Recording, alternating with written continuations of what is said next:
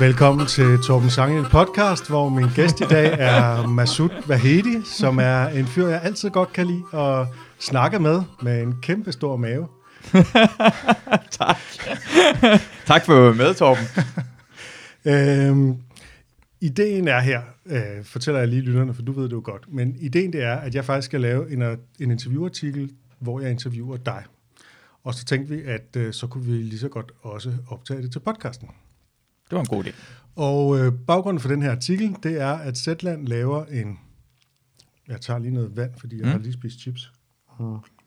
Ja, Torben spiser ofte, når han laver podcast. Åh, oh, okay. det, vi har haft en lang diskussion om det. øh, lad os ikke gå ned ad den vej. jeg hader, når folk spiser i podcast. Øh, og jeg hader også, når jeg selv gør det, men jeg var virkelig, virkelig sukkerkold. Okay.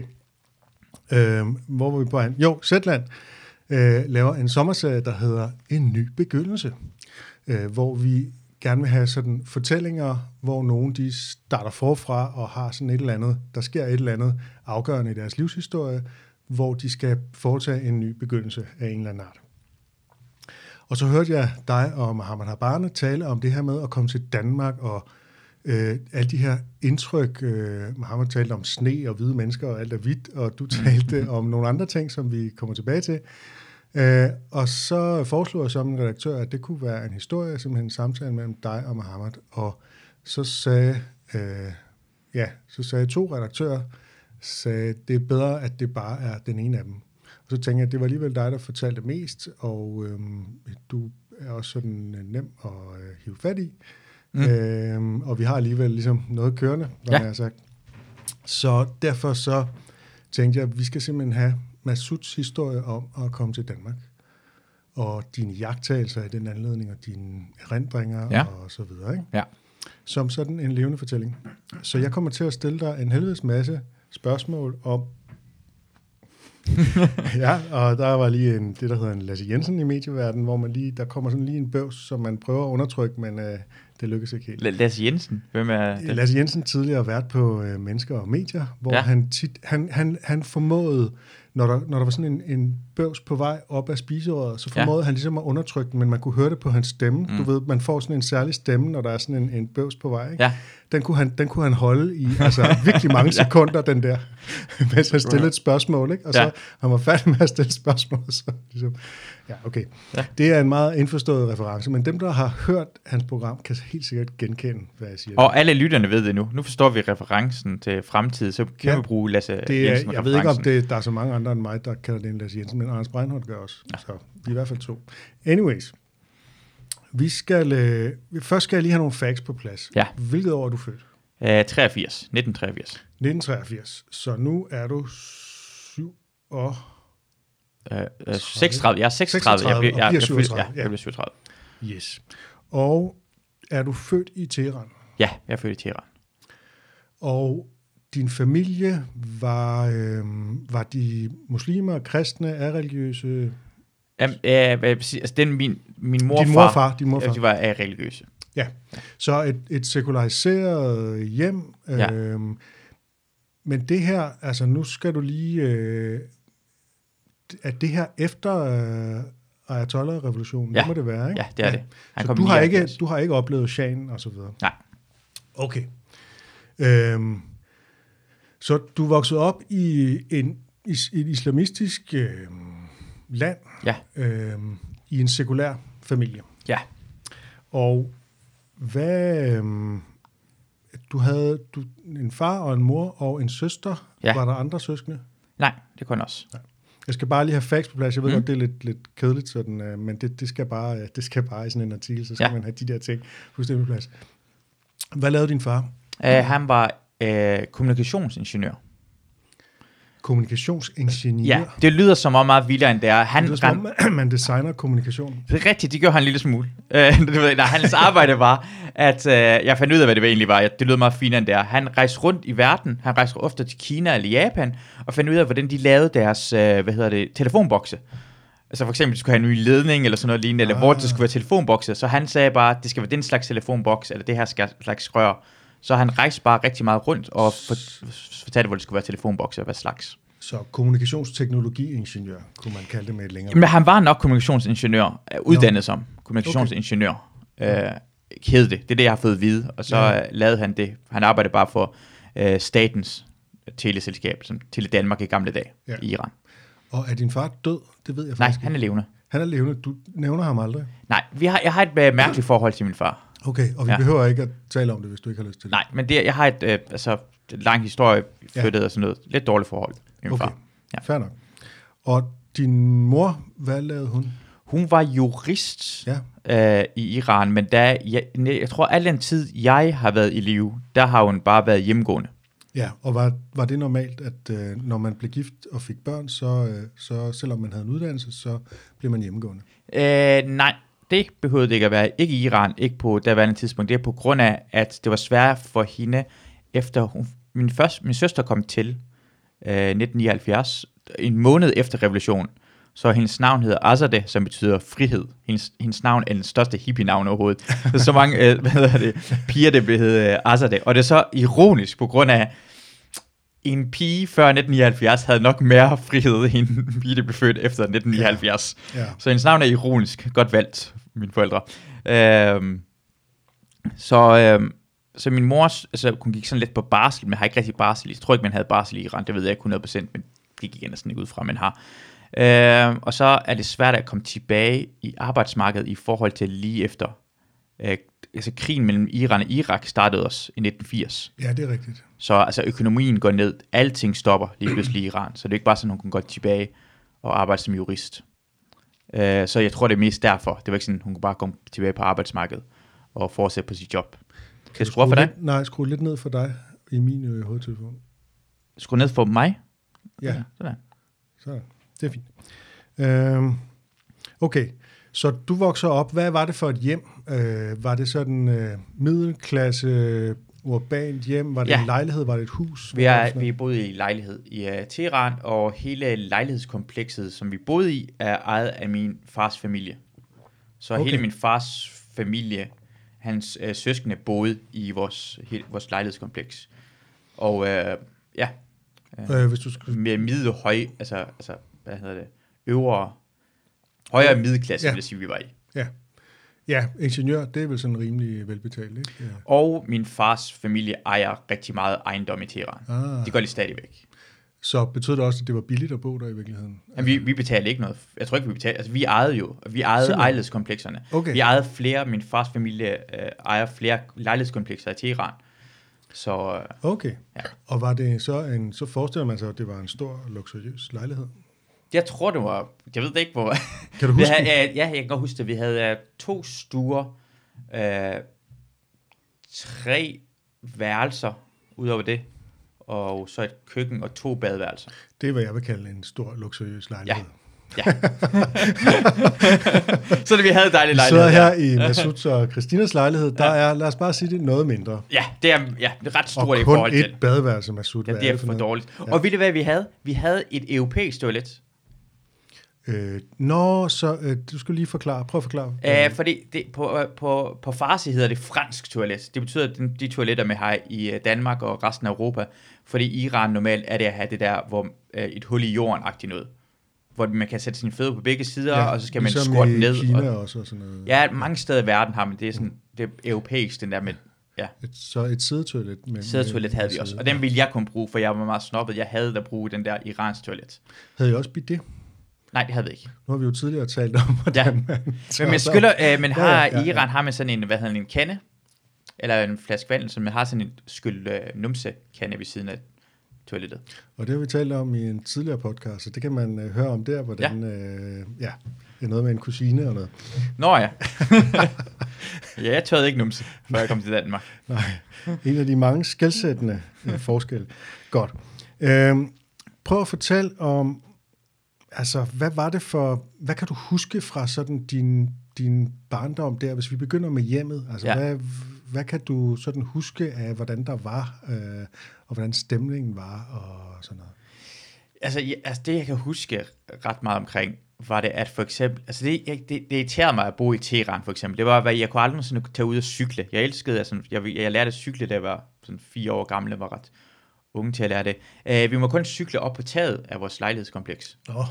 På, Du må simpelthen ikke cykle på gaden, fordi det var for farligt i trafikken. på grund af, at uh, hvis det kom med en bombealarm, uh, Tehran blev bombet af Så det irakerne. var ikke trafikken, det var, Det var ikke simpelthen øh, bombealarm. Bombealarm, som skulle hurtigt ned i kælderen og uh, gemme sig, hvis det kom bomber.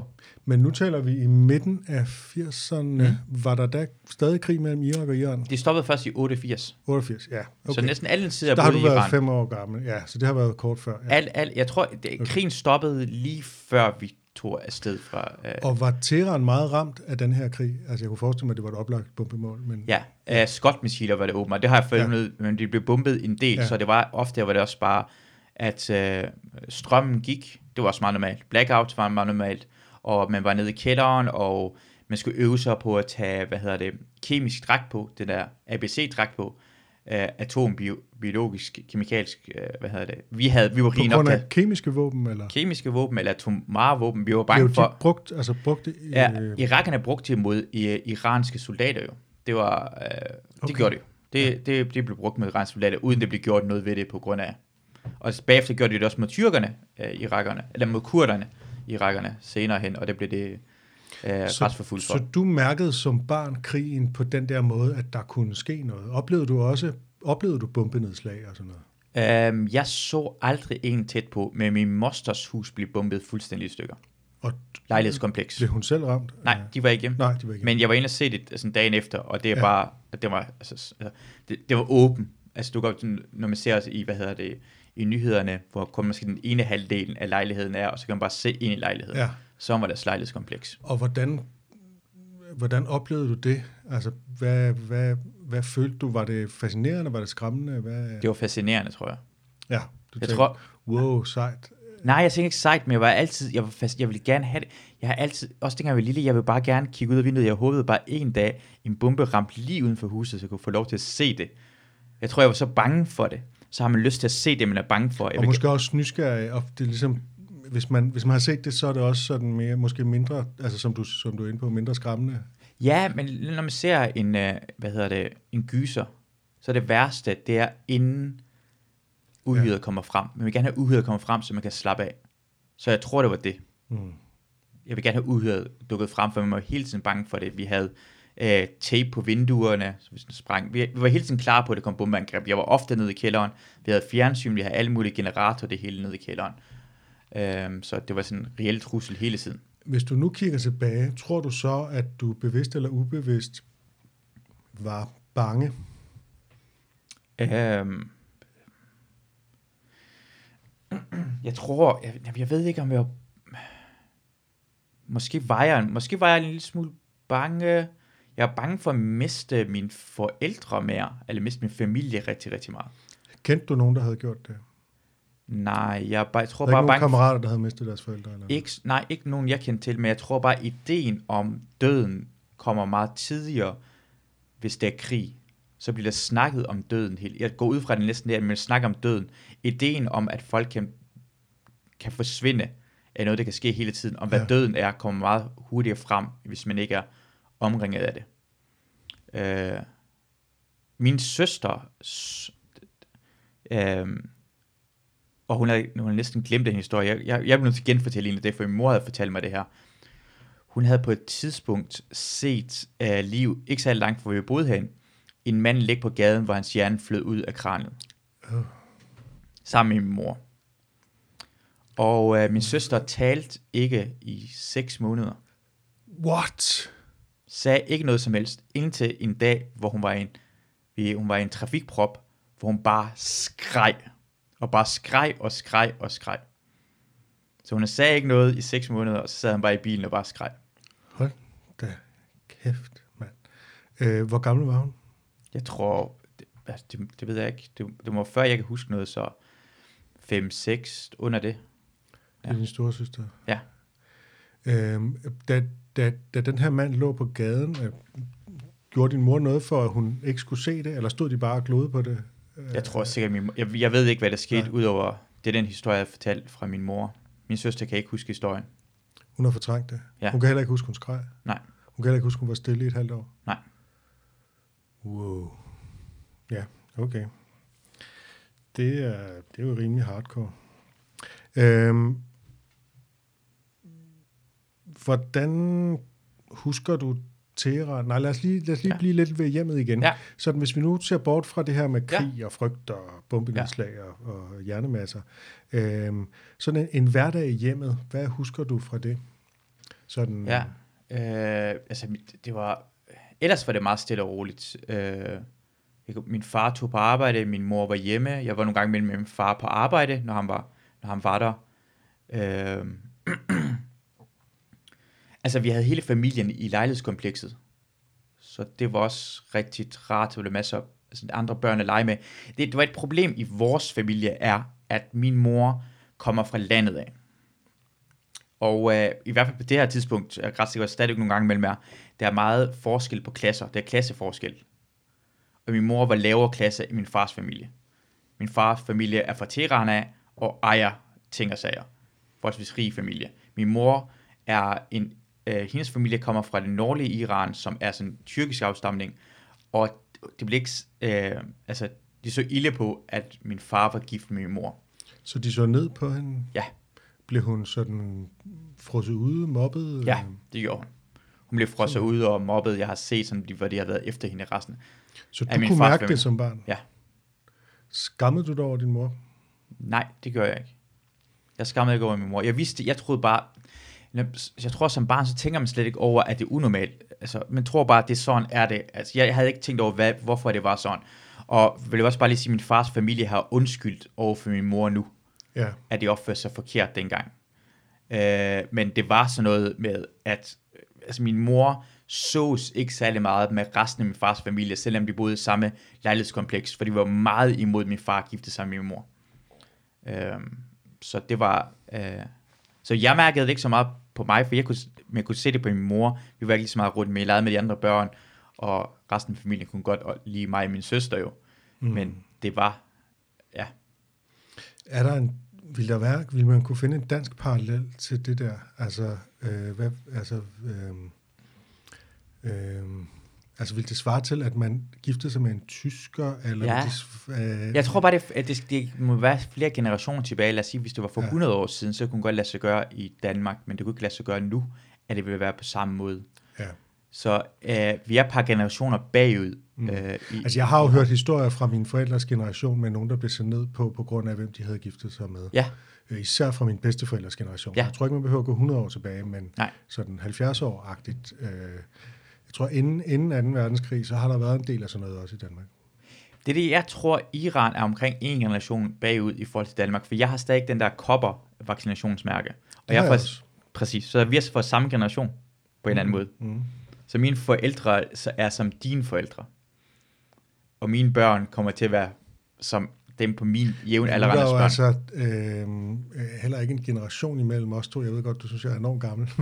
Men det er jo tæt på. Du, du er lige på grænsen. Men du har børn allerede lige nu. At det er Ja, næsten, det, det er har måde, ja. Altså, måske generation, vi er lige på grænsen til at have sådan... Og det får du måske snart Måske får jeg også snart børn, ja. Det Men- bliver spændende. det kan du lave en podcast om. Ja. Men, men, men altså, øh, også på grund af, hvordan, lad os sige, hvordan, relig, hvordan, hvordan religion er i Iran. Min øh, fars øh, øh, forældre var meget øh, religiøse. Meget religiøse. Men det var min... Øh, Jeg skal lige hoste. ja, Jeg vil lige skåle lidt. ja. Jeg havde simpelthen en. Han- Jeg vil bare lige sige, at han hoster i hånden, og ikke i albuen af uh, toppen af Sangil. Og, ja. Jeg beklager, så er jeg tilbage. Jeg har simpelthen fået en dild. Øh, En dild? Nå, jeg er fra chipsen. Dild chips. du var ved at fortælle om øh, det der med din mor og, og den der kulturelle forskel. Ja, øh, og, og hvad hedder det? Ja, jeg tror bare, min, min øh, øh, fars forældre var religiøse, og det var langt mere religiøse også min øh, mors forældre, men det, de var lidt mere ligeglade, at deres øh, børn ikke var lige så religiøse. Jeg tror bare, den generation vil sige igen, hvis det var et par generationer siden, så var folk også mere religiøse i Danmark, og deres børn havde ikke lige så meget religion i, øh, til hverdag.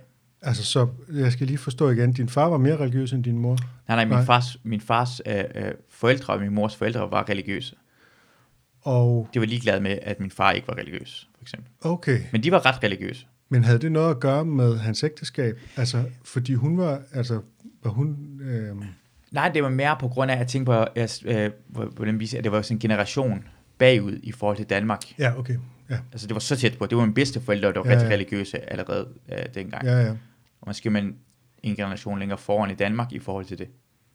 Også med ja, børn. Altså, man- det er jo meget forskelligt, ikke? Altså, mine forældre var sådan øh, rimelig religiøse. Jeg er kristent opdraget, Ja. øh, men er nu ateist, ikke? Øh, men altså, hvis du tager sådan en som Natasha, så hun, hendes far er jo altså øh, mormon, ikke? Ja, ja, men det mormon, det er moderne religion. Det, er- så har man også skiftet. Men, men lad os sige for eksempel, mi, begge mine forældre har fem søskende.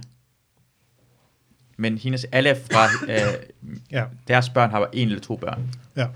Ja, de har ikke mere. Måske en af dem har tre børn, men ellers mm. På, på samme måde. Det passer med, at mine bedsteforældre, de havde jo syv børn, ikke? Og, En generation, ja.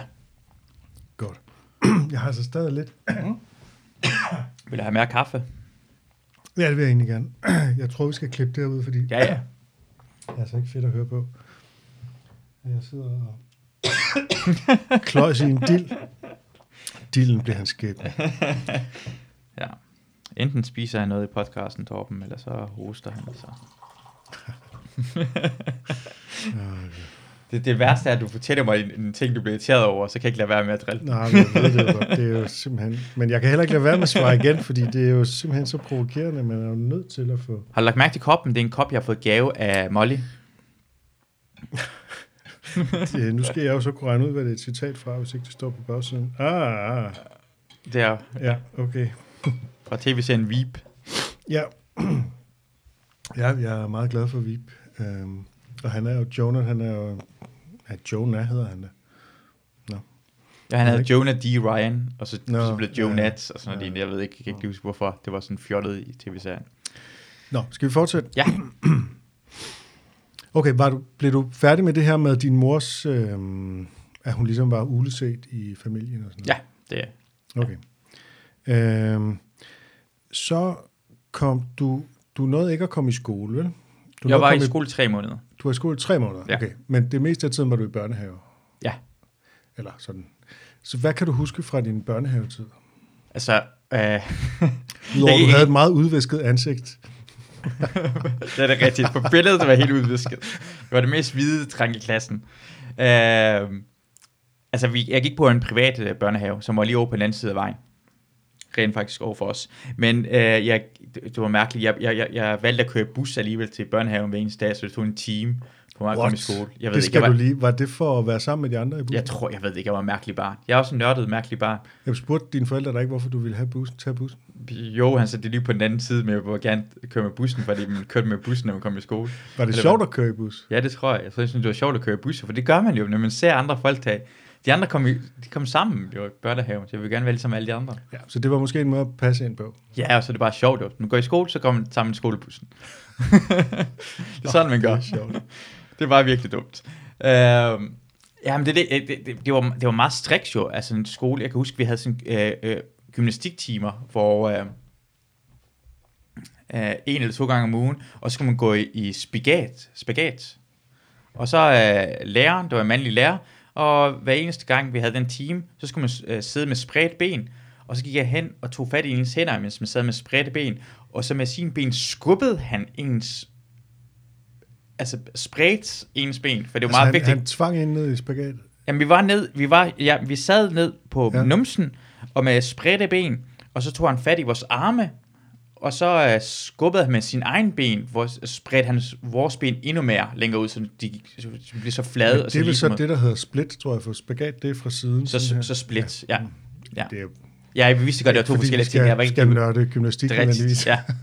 Så, og pigerne var langt bedre til en dreng, jeg var meget ikke, og altså, jeg, ja, det er sådan noget, men ellers, og jeg kan huske, det er fordi, nu kommer jeg komme i tanke om måske de historier, vi havde fortalt med Habane, som var lidt med sådan underholdende, det var der. Men øh, jeg kan huske, der var en eller anden dag, hvor jeg i skole, så skulle vi synge sange, vores yndlingssange. Og øh, jeg vælger at synge en sang, som handler om salt og peber. Ja, Jeg tænkte, det var uskyldig sang om salt og peber. Den sang var tilfældigvis en sang, der var lavet før revolutionen, og rigtig mange sange og musik var forbudt efter revolutionen. Og salt og peber handlede ikke om salt og peber. Det handlede om en mand og en kvinde, og hele sangen var helt øh, sexual innuendo omkring, at de bollede. Så jeg sad i børnehaven og sang sanger omkring, at en mand og en kvinde bollede i en ulovlig sang, og kom hjem og fortalte omkring, at jeg havde sunget den sang, og mine forældre blev rigtig, rigtig skræmte. På grund af, så ved de godt i børnehaven, at jeg synger, at det er sådan en musik, vi hører derhjemme, og det kan gøre, at de kommer ind lige pludselig, at vi er blevet et mål for regimet, og så kan mine forældre godt måske blive hentet på et eller andet tidspunkt. Da du synger den her sang, hvordan er reaktionen i klassen? Kan du huske det, din lærer og de andre? Ja, jeg, jeg, jeg lægger ikke mærke til, at der er noget galt. Jo. Jeg, jeg lægger først mærke til noget Det galt. var når- først, da du kom hjem. Ja, jeg fortalte, hvad for en sang sang du. Selvfølgelig sang jeg med selv peber. Da, da, da, da, da, så synger jeg. Så måske har din lærer faktisk forstået, at det for dig var en uskyldig ting. For, jamen, de gjorde Fordi det. ellers ville du nok ikke have sunget den jo. Nej. Altså, du sad nok ikke med sådan et frækt grin og nu skal jeg... Altså, Nej, vi forstod godt, at jeg ikke hvad var forstod du, det. fem år gammel præcis. eller sådan Ja, jeg, jeg, vidste godt, at jeg ikke forstod det. Men, men de kunne godt, jeg tror godt, det, de vidste godt, det ikke var en sang, man skulle synge i hvert Men fald. det stemplede lidt dine forældre i virkeligheden. Ja, og det kunne godt være, altså det, på det tidspunkt der, så kunne det godt være, at det, altså, man, man bliver jo bare hentet af regimet jo. Altså det, øh, vi boede også lige foran en politistation i, øh, øh, til Iran, så altså, Har du, kan du huske teksten til den sang? nej, overhovedet ikke. Heller ikke, okay. Øh, har du, du har ikke søgt efter den på nettet eller sådan noget? Men alle sange, hvis jeg hører sådan iranske sange, så enten handler det omkring folk, der, der vil gerne score en anden en, der vil gerne bold med en anden en, eller de har blue balls. Det er alle sammen, åh, jeg vil gerne have dig, og vi vil gerne bolde snart. Eller, hvorfor vil du ikke bolde med mig? Jeg vil rigtig gerne bolde med dig. Det, det er alle sangene. meget stor poesi. Men a- når jeg tænker over det, alle sange, der findes overhovedet, er sådan en sang. Det er enten Blue Balls eller en kærlighedserklæring. Men øh, det kunne være fedt, hvis du prøvede at finde den på nettet, og vi prøvede at oversætte den. Øh, øh, Ja. Ikke nødvendigvis til artiklen, det fører nok for vidt, men Ja. bare til at få stillet min almindelige nysgerrighed. Det, det synes, det synes jeg var interessant. Og det kan være, at vi kan også finde en indspilning, og så kan du lære den igen. Så kan Ja. du rundt og synge den. Ja, og nu, nu må jeg gerne synge den jo. Det er frit land. Det er nemlig et frit land, ja. ja. Øhm, ja, er der andre ting fra din børnehavetid? Åh oh, ja, øh, det er også den der... jeg var en gang ved at blive stukket i fingeren af min børnehavepædagog. Øh, ikke fingeren, st- stukket i øjet med hendes finger. Hun var ved at stikke mig i øjet Med på vilje. Med vilje. På grund af, at jeg havde leget med en anden dreng. Vi har bare leget. Du gør nogle gange med hans finger med sin arm, og så er jeg kommet til at stikke drengen i øjet med min finger. Og han græd og løb hen til pædagogen. Og jeg sagde, det var ikke, jeg kan, som jeg kan huske det, sagde jeg bare, det var ikke med vilje det her. Og hun sagde, nå, men ham der har ondt. Så hun tog fat i mig, tog mig op på sit lår, holdt mig nede, og så var hun ved at stikke mig i øjet med hendes finger. Jeg var sådan helt skræmt over det. Og så kigger hun op, og så kan hun se min mor på vej ind i børnehaven. Ah, din mor er her! Så stoppede hun med det, og satte mig ned.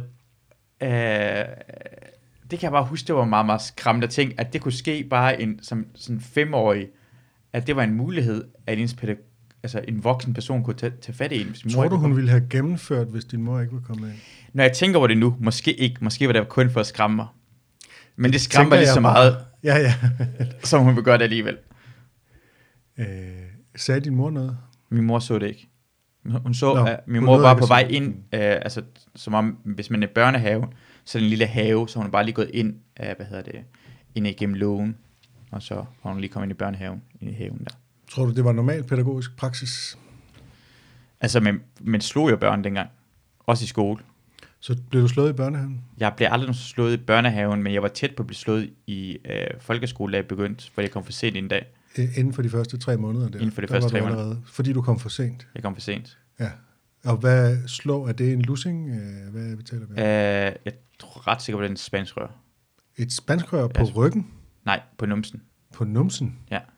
Fordi man kommer... Hvor meget for sent, sagde du? Jeg ved ikke, hvor langt. Jeg kan ikke huske, hvor meget Nej, jeg er for nej, sent, men jeg, for sent. jeg kom for sent sammen med en fætter, som boede sammen i lejlighedskompleks. Og øh, jeg kan huske, han tog straffen for mig. Han sagde, det var hans skyld, og så kom han på rektors værelse, og så fik han det i stedet for mig, fordi han troede ikke, jeg kunne tåle det, og det kunne jeg nok heller ikke. Jeg var meget femset dreng. Hvad, hvordan føltes det, at han tog skylden på sig? Øh, altså, når jeg lige tænker over det, ikke? Nu, nu du spørger mig lige, nu tænker jeg bare, jeg er ret sikker på, at det var hans skyld, jeg kom for sent. okay. jeg, har, jeg har ikke tænkt over det før nu, men nu jeg tænker over det, så mig. Jeg forventer, jeg, jeg, jeg, er at du skal blive helt rørt og sige, det var fandme smukt gjort, og jeg har evigt taknemmelig. Jeg er ret sikker på, at det var hans skyld.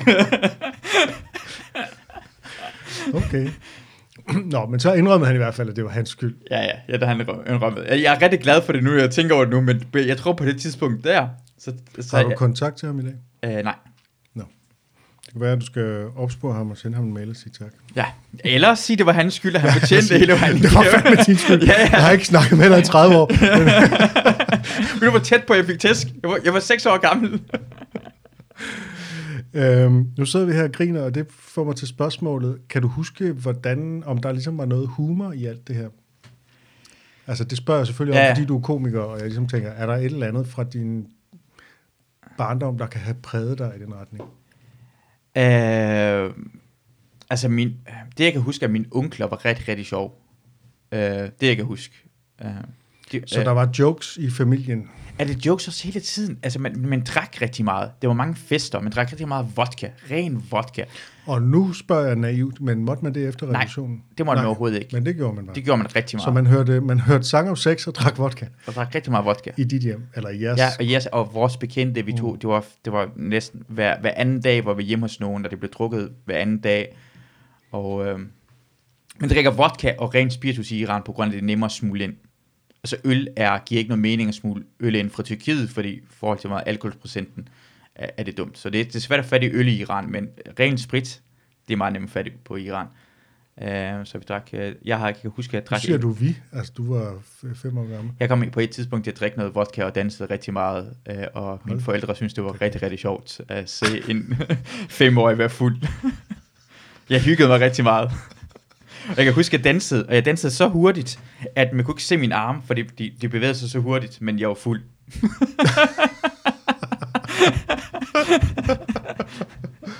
ja.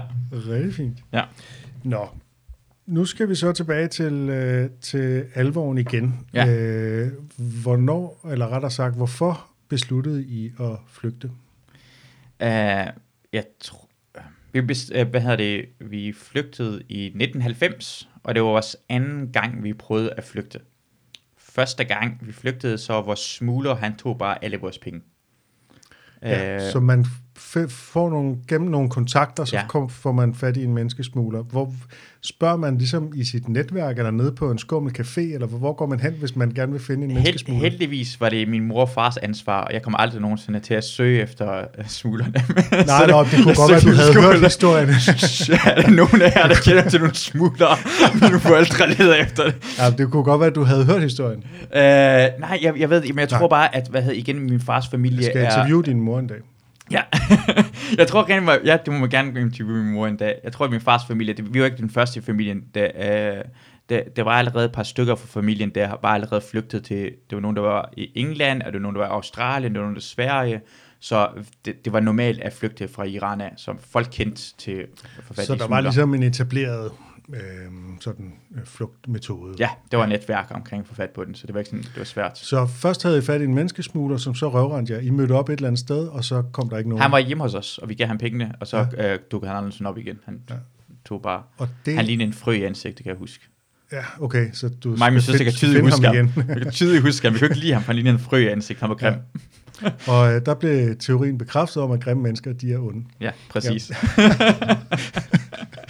Øh, så, men, øh, så han forsvandt bare med pengene og Ja. ja. dukkede ikke op. Altså, var der ikke en eller anden aftale om, I skulle møde op et eller andet sted, og så ville der komme nogen, og så kom de ikke? Eller? Jeg, jeg, jeg tror rent faktisk, det er bare sket, at efter den første aftale, så dukker han ikke op, eller ikke ringede til os, eller vi fik ikke fat i ham.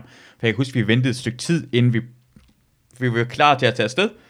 Og så gik det, og så, for alle folk ved godt, vi skal snart til at rejse, hele familien, det er noget, man snakker om. Hvornår har I tænkt jer at flygte? Hvornår har vi tænkt jer at flygte? Eller hvornår har, vil I gerne flygte? Det er sådan en normal snak. Børnene snakker også med hinanden, for vi ved godt, når jeg min jeg fætter troede, er det her ikke ville længere. være farligt at tale om, at man faktisk holdt kæft med sådan noget. Inde i familien gjorde vi det, fordi familien, altså inden for familien, øh, kunne man godt snakke højt omkring det. Men jeg tænker bare, I bor i et boligkompleks, der kan være andre, der lytter og sådan noget. Det var kun helt min familie, der boede i boligkomplekset. Okay, så I, I var trygge ved det nærmiljøet, at det var ikke nogen, der ville sladre? Ja.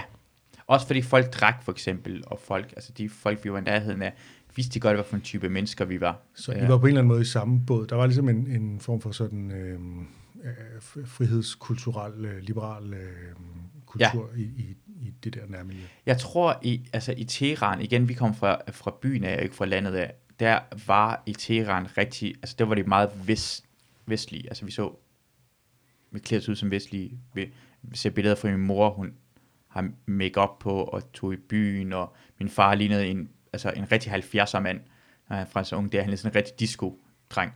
Og de tog på diskotek og en drak og alle det her ting, så det var meget vestligt Men orienteret. nogle gange synes jeg, at man sådan ser historier, der handler om, at, øh, altså, at med øh, revolutionen der, så, øh, så blev det hele islamiseret også Teheran, øh, og kvinder skulle gå med tørklæde og sådan noget.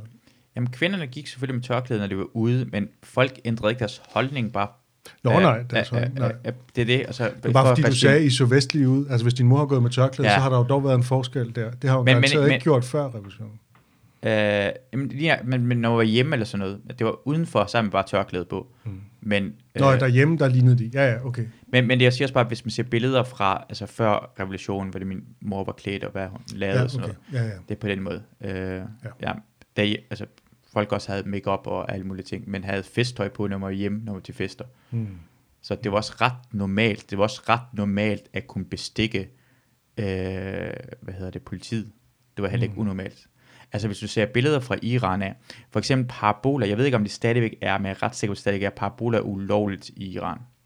Okay. Hvis du kigger på et billede på nogle billeder af Teheran, øh, så har alle paraboler på deres tag. Men det minder mig faktisk om et spørgsmål, jeg også gerne lige vil stille. Så kan vi vende tilbage til, Mm. til flugten. Men øh, hvordan var, kan du huske noget med medier fra du var barn? Hvad kunne man se i fjernsynet? Hvad kunne man høre i radioen? Altså var der, øh, var der fik du sådan billeder? Altså var der amerikanske film? Var der... Altså den første film, jeg kan huske, det er, øh, det er hvad hedder det, uh, One Flew Over the Cuckoo's Nest. Nå, altså den som på dansk hedder... Hvad sådan er den? Gøreden. Gøreden, ja. Den scene, der hvor han, øh, hvad hedder, han slår indianeren ihjel, han kvæler ham og løber ud og kaster, hvad hedder det, hvad hedder det, jeg skulle opvasken. Ja, han øh, flygter ud fra Sindssygehospitalet. Ja. Den scene kan jeg tydeligt huske. Det var den første scene, jeg nogensinde Det en er, film. en, det er en mærkelig første film at se. Ja. Ja. Du havde ikke set nogen børnefilm inden da.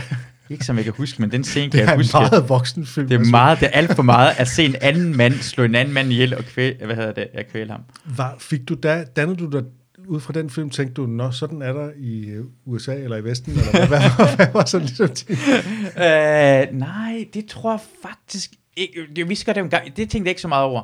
Øh, altså, det hvis vi så noget i fjernsynet, nu ser hvad vi så fra andre steder. Vi havde en, øh, hvad hedder det, en japansk sæbeopera, der var meget populært.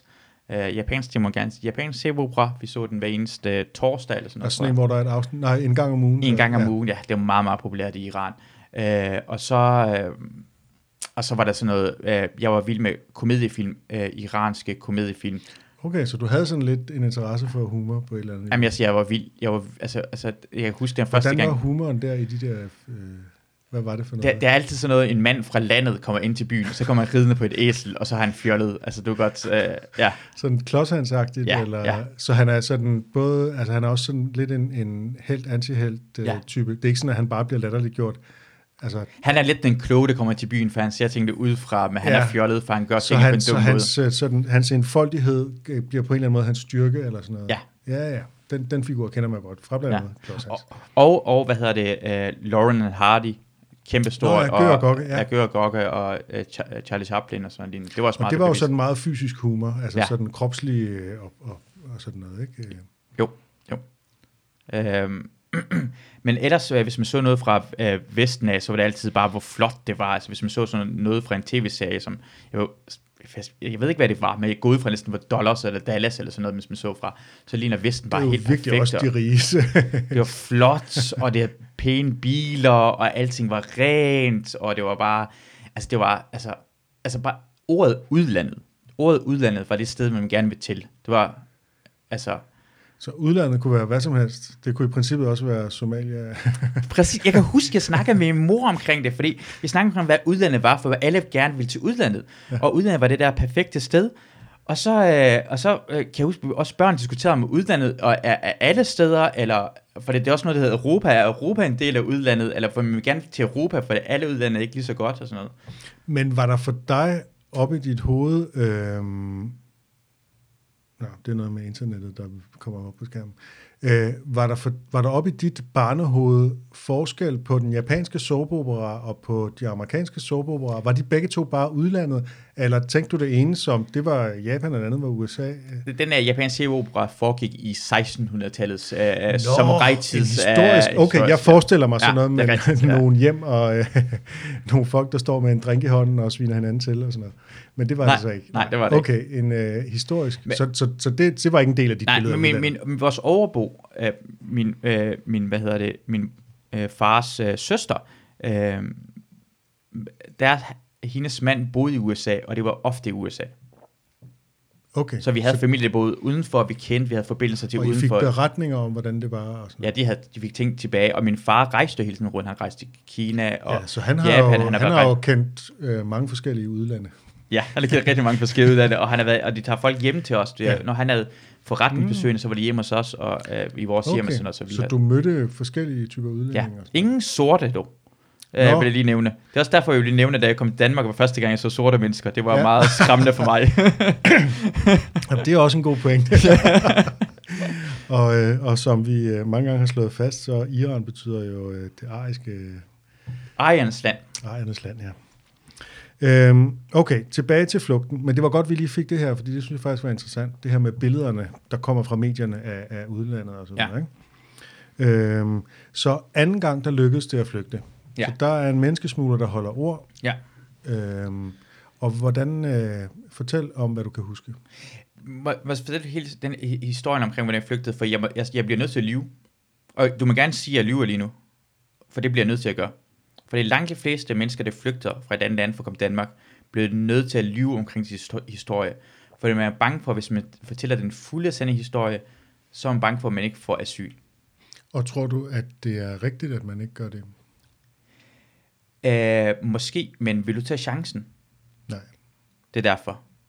Så du fik at vide af dine forældre, at du skal lyve, du skal fortælle denne her historie? Vi har fået at vide fra smuglerne af, hvilken historie vi skal fortælle. Vi Okay. har helt, det hele så det er en del af den service, de yder, det ja. Er at, at hjælpe en med faktisk at, ikke bare den fysiske transport, men også øh, hvordan man øh, forklarer sig i... Øh, De laver mest bare, ja, undskyld, de laver kontakterne og finder ud af, hvem man skal snakke med, og hvor det man kommer længere frem.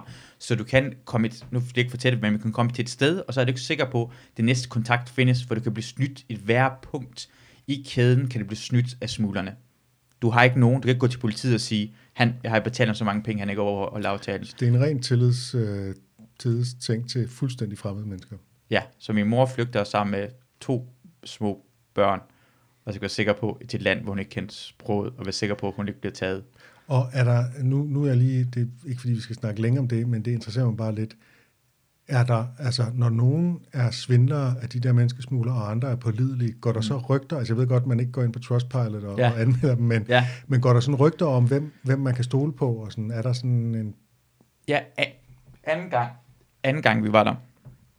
Øh, jeg tror, hver eneste gang er det nogle folk, der må have blevet smuglet med dem før. Det, øh, man kender det, men anden gang var der nogen af vores familiemedlemmer, der også kendte til dem, til det land, vi først kom til. For det blev hele tiden smuglet videre. At, øh, at vi, vi stolede med, at de, folk kendte dem i landet, der var der. Altså folk, der var... Jeg kan ikke sige landet jo, det er, det er problemet. Øh, jeg er bange for, at det er den større... Altså, jeg, jeg, vil, jeg vil så gerne fortælle øh, mere omkring det. Problemet er, at, at, at, at for min mors skyld kan jeg ikke gøre det her. okay. Øh, jeg er ikke bange for at sige det. Jeg tror ikke, jeg kan smide mig hjem igen. Men, Nej. men, men er altid bange for, at det ligger underliggende. Så, så du tør godt fortælle, at du er nødt til at lyve, men du kan ikke fortælle om, hvad, der er visse detaljer, du ikke kan fortælle i Ja, for det, jeg kan også sige, at jeg, jeg har løjet, men det kan også godt sige, at jeg ikke ved 100% hele historien, mm. Mm. for jeg var 6 år gammel. Godt, så hvilken historie fik du at vide, du skulle fortælle? Øh, men jeg kan sige, at vi var i Danmark lige pludselig. Ja. Det kan jeg sige. Lige pludselig. Vi lige pludselig var i Danmark. Fordi vi vælger selv, hvor vi vil gerne... Folk vælger selv... Hvis man er rig nok, så vælger man selv, hvor man gerne vil hen til. Og jeg synes, du har stået på scenen og fortalt, at I egentlig ville til Norge. Yes. Fortæl lige om det. Fordi vi, vi kommer til... Fordi Norge er bare et bedre land. I rygtemæssigt. Og fordi det var nok færre flygtninge, der havde taget til Norge end Danmark og Sverige. Vi havde øh, familiemedlemmer i Sverige. Øh, vi havde familiemedlemmer i Italien. Italien var det på grund af, at det min øh, mors ældre bror, som havde voksne børn. Så de, de var gamle nok, så de var bare gerne et sted, hvor det var varmt, så de boede i Sicilien. De flygtede til Sicilien, for det var dej- dejligt varmt. Men min mor øh, vil, øh, dem der har børn, vil rigtig gerne til et land, hvor der er mulighed for at få en uddannelse for børnene. Og Norge, øh, er det fordi, at det er et rigt øh, land, altså det, sammenlignet med altså Danmark, Sverige, Holland, Tyskland?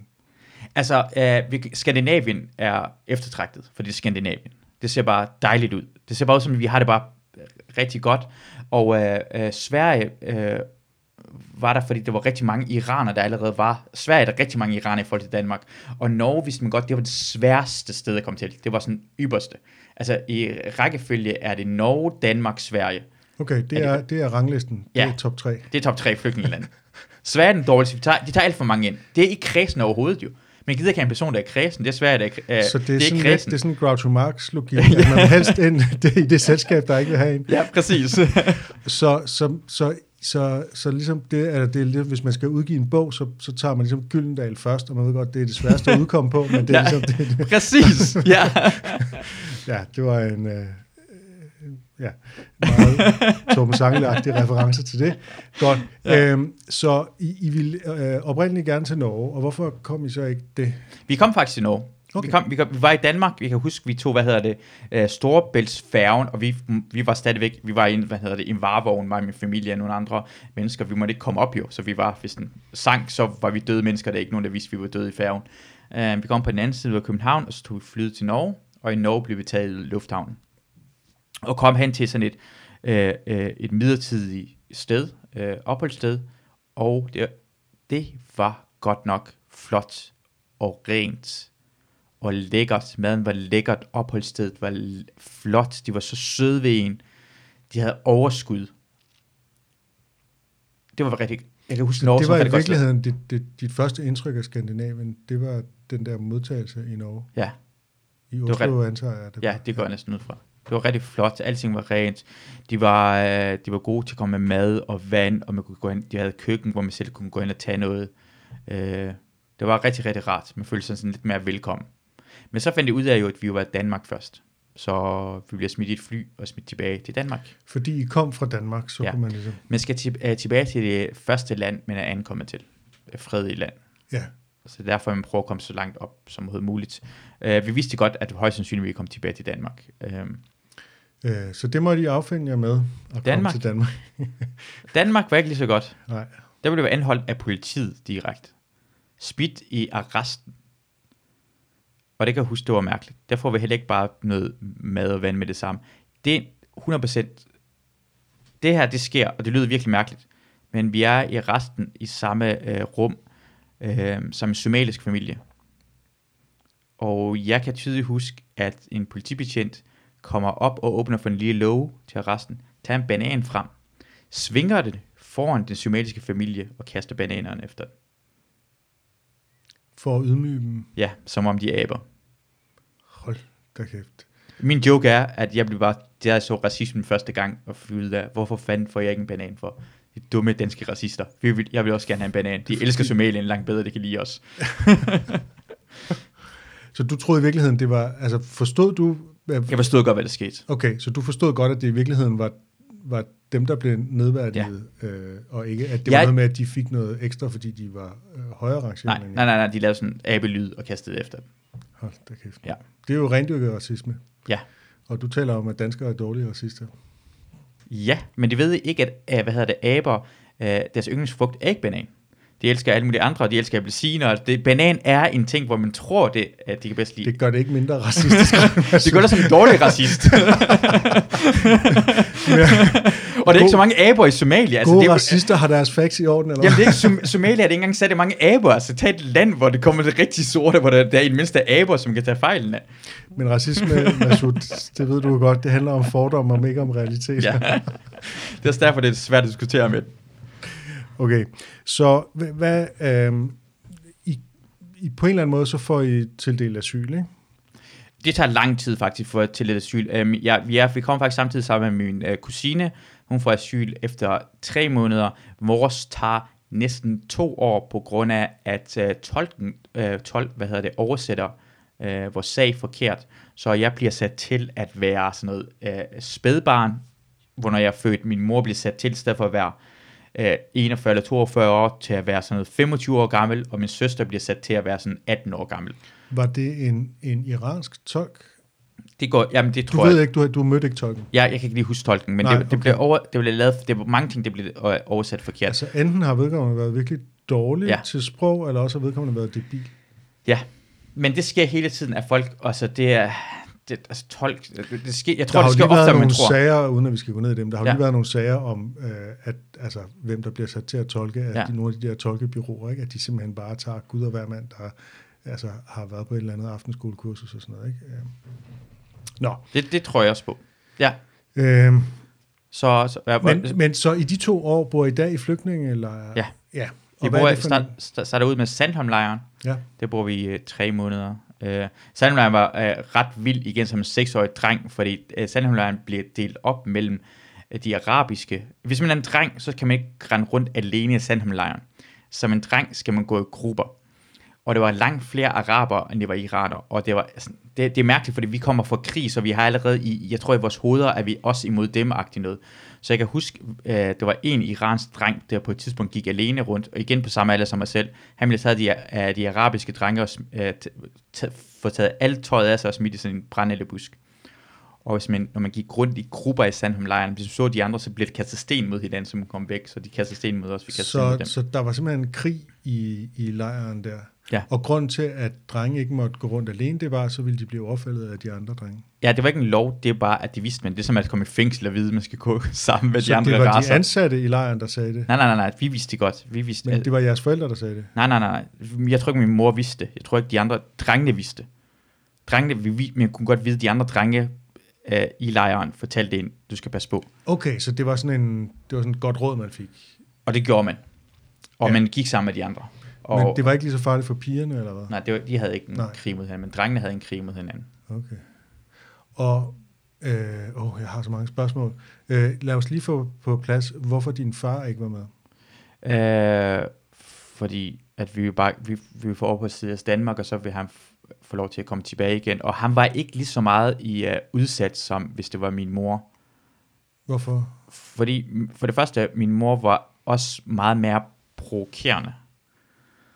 Min mor er en person, der har på et tidspunkt taget sit tørklæde af foran sådan en, øh, en milits. Øh, Den må du Altså, gerne lige fortælle den historie. der på et tidspunkt øh, i starten af revolutionen, er det, min mor går sammen med min søster på gaden i Teheran, og så viser hun for meget sit hår, hun har tørklæde på.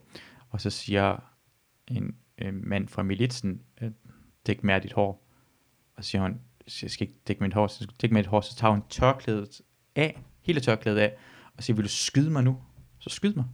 Så skyd mig, mens hun har min søster i hånden. Min mor, altså hun, Og Hun svær at holde skete til. der så? Hun blev ikke arresteret? Nej, hun blev ikke arresteret. Hun Ja. fik bare en påtale? Eller Nå, hun, hun gik bare væk. Det, det, det er militser, der er der. Der findes forskellige slags militser, men det var sådan et par militære milits, som havde rigtig mange øh, unge mennesker ansat, så hun fik bare lov til, altså hun, det var en standoff, og hun vandt, fordi han ville ikke skyde hende.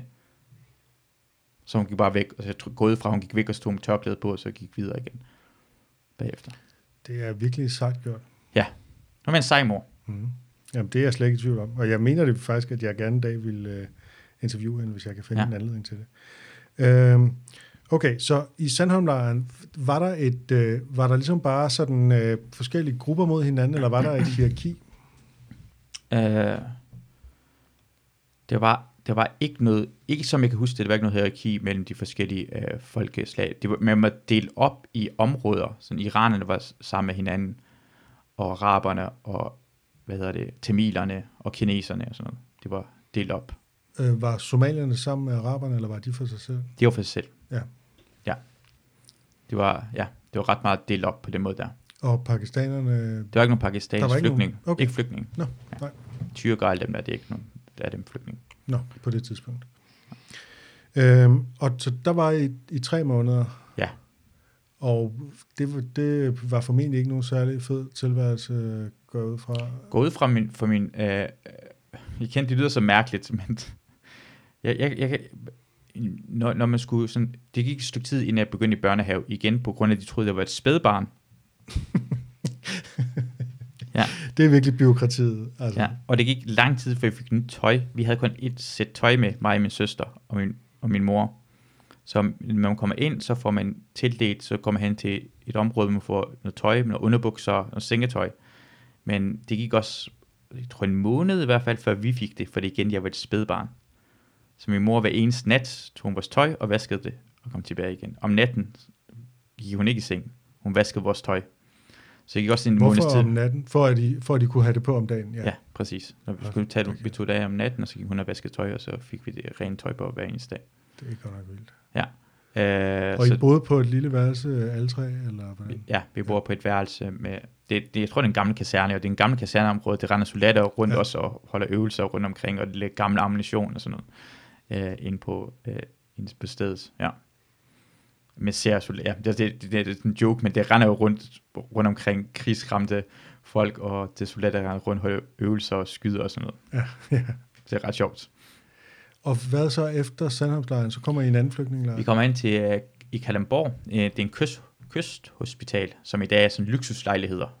Det var godt nok lækkert. Det var lige ude til vandet i øh, Kalundborg og skov på den anden side. Nu kan jeg jo huske, at i 1985 i Kalundborg, der var der jo simpelthen øh, borgeroprør på grund af, at flygtninge de, øh, øh, fik nogle lækre lejligheder mm. Og fik en cykel og sådan noget. Ja, det, vi fik cykler. Ja, det var rigtig lækkert. Ja, øh, oplevede du også vrede fra de lokale?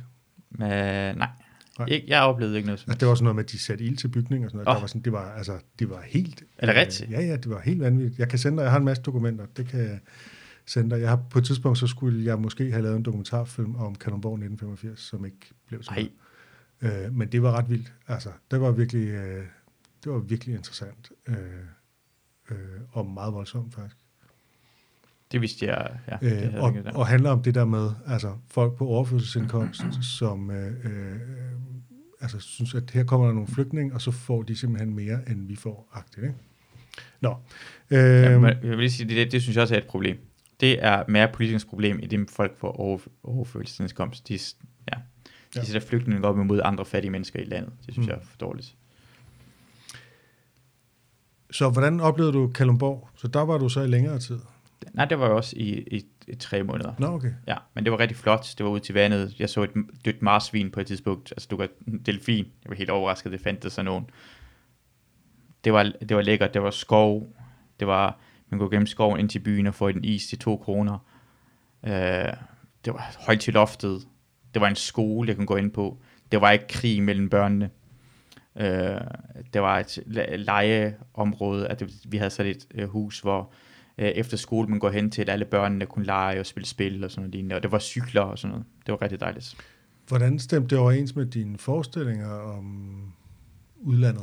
Men vi var ikke kommet til Danmark endnu, synes jeg. For vi var Nej, altid i I var flygtningscenteret. vej. Ja, altså, det var en, en, du, du, tænkte, du oplevede det som en station på vejen. Det var en station på vejen. Vi kom aldrig nogensinde.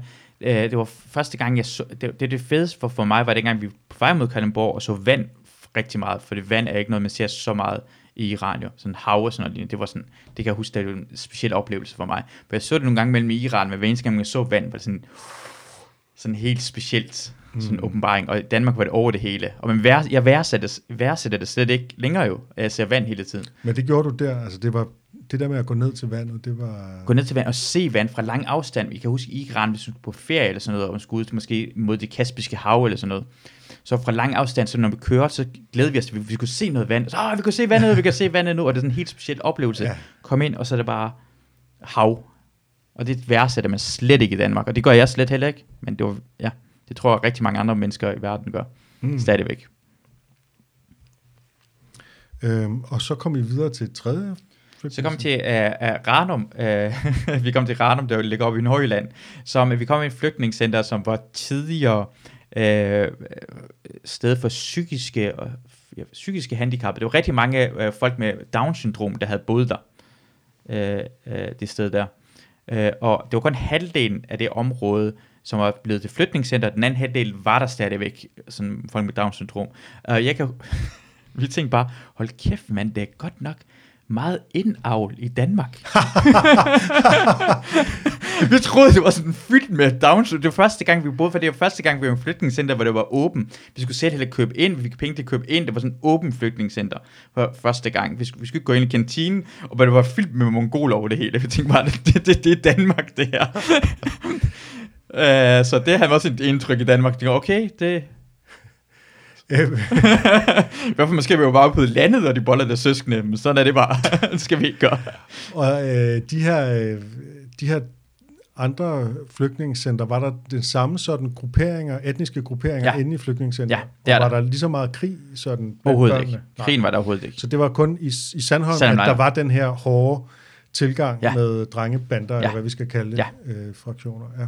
Ja, de andre steder var det overhovedet ikke. Det var Okay. meget frit. Så der følte du dig nogenlunde tryg, men. Ja. stadig sådan på vej til at komme til Danmark. Ja, vi har slet ikke fået lov. Men det er første gang, jeg oplever Danmark. Den er første gang, man er ude blandt danskerne. Men jeg oplever det, jeg gerne vil. Det er første gang, jeg oplever, at Danmark er, jeg spiler af jo lort.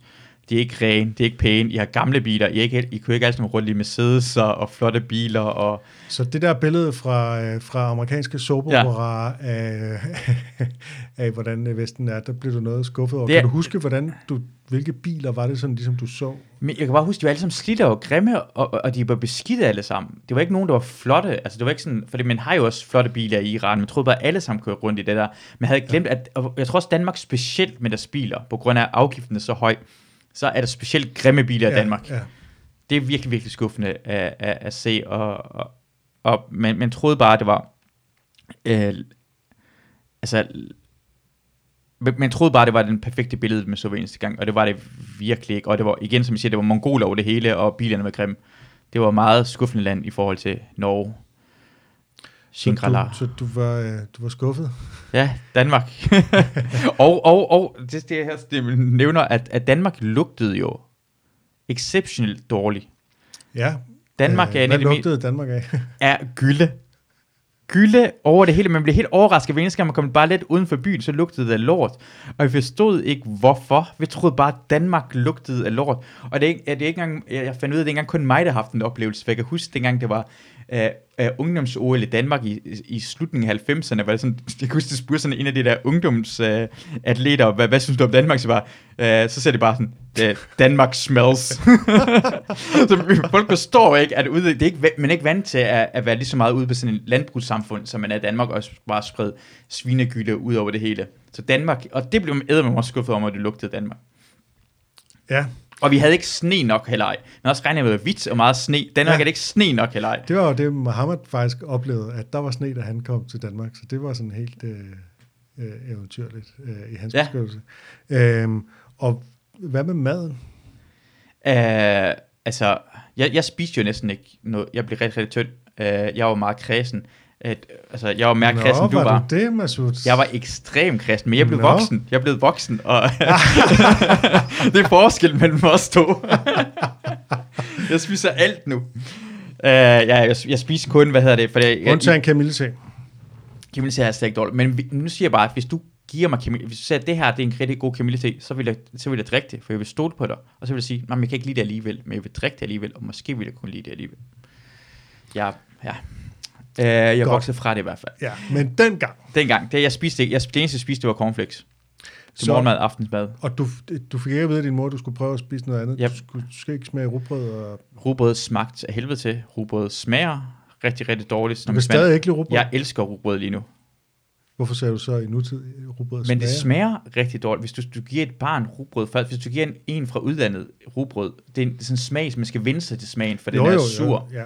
Den er ikke sådan en uh, udad til smag, det er ikke bare Nej, godt, det er ikke Det Nutella. er sådan en, en acquired taste, det Ja, kan man sige, præcis. ligesom øh, øl jo sådan set også er. Det skal man Ja. også faktisk vende sig til, især bitre øl, ikke? Og sådan noget, ikke? Koldskål. Det er ikke nogen, der kan lide kold. Jeg elsker koldskål, men de har prøvet at sælge det til udlandet, og ikke nogen, der kan lide koldskål. Jeg elsker koldskål.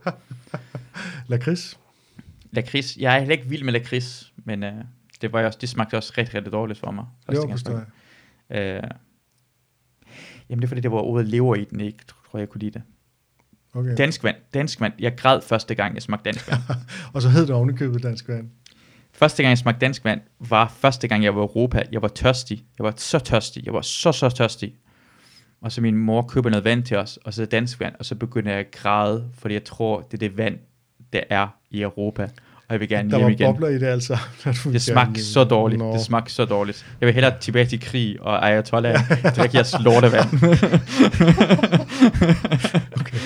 Der var det nok godt, din mor stod fast på, at nu, Ja, nu gør nu vi det er vi her. her. Nu er nu har vi betalt to smuler. kunne vel også fortælle dig, at der fandtes andet vand, end det med bobler.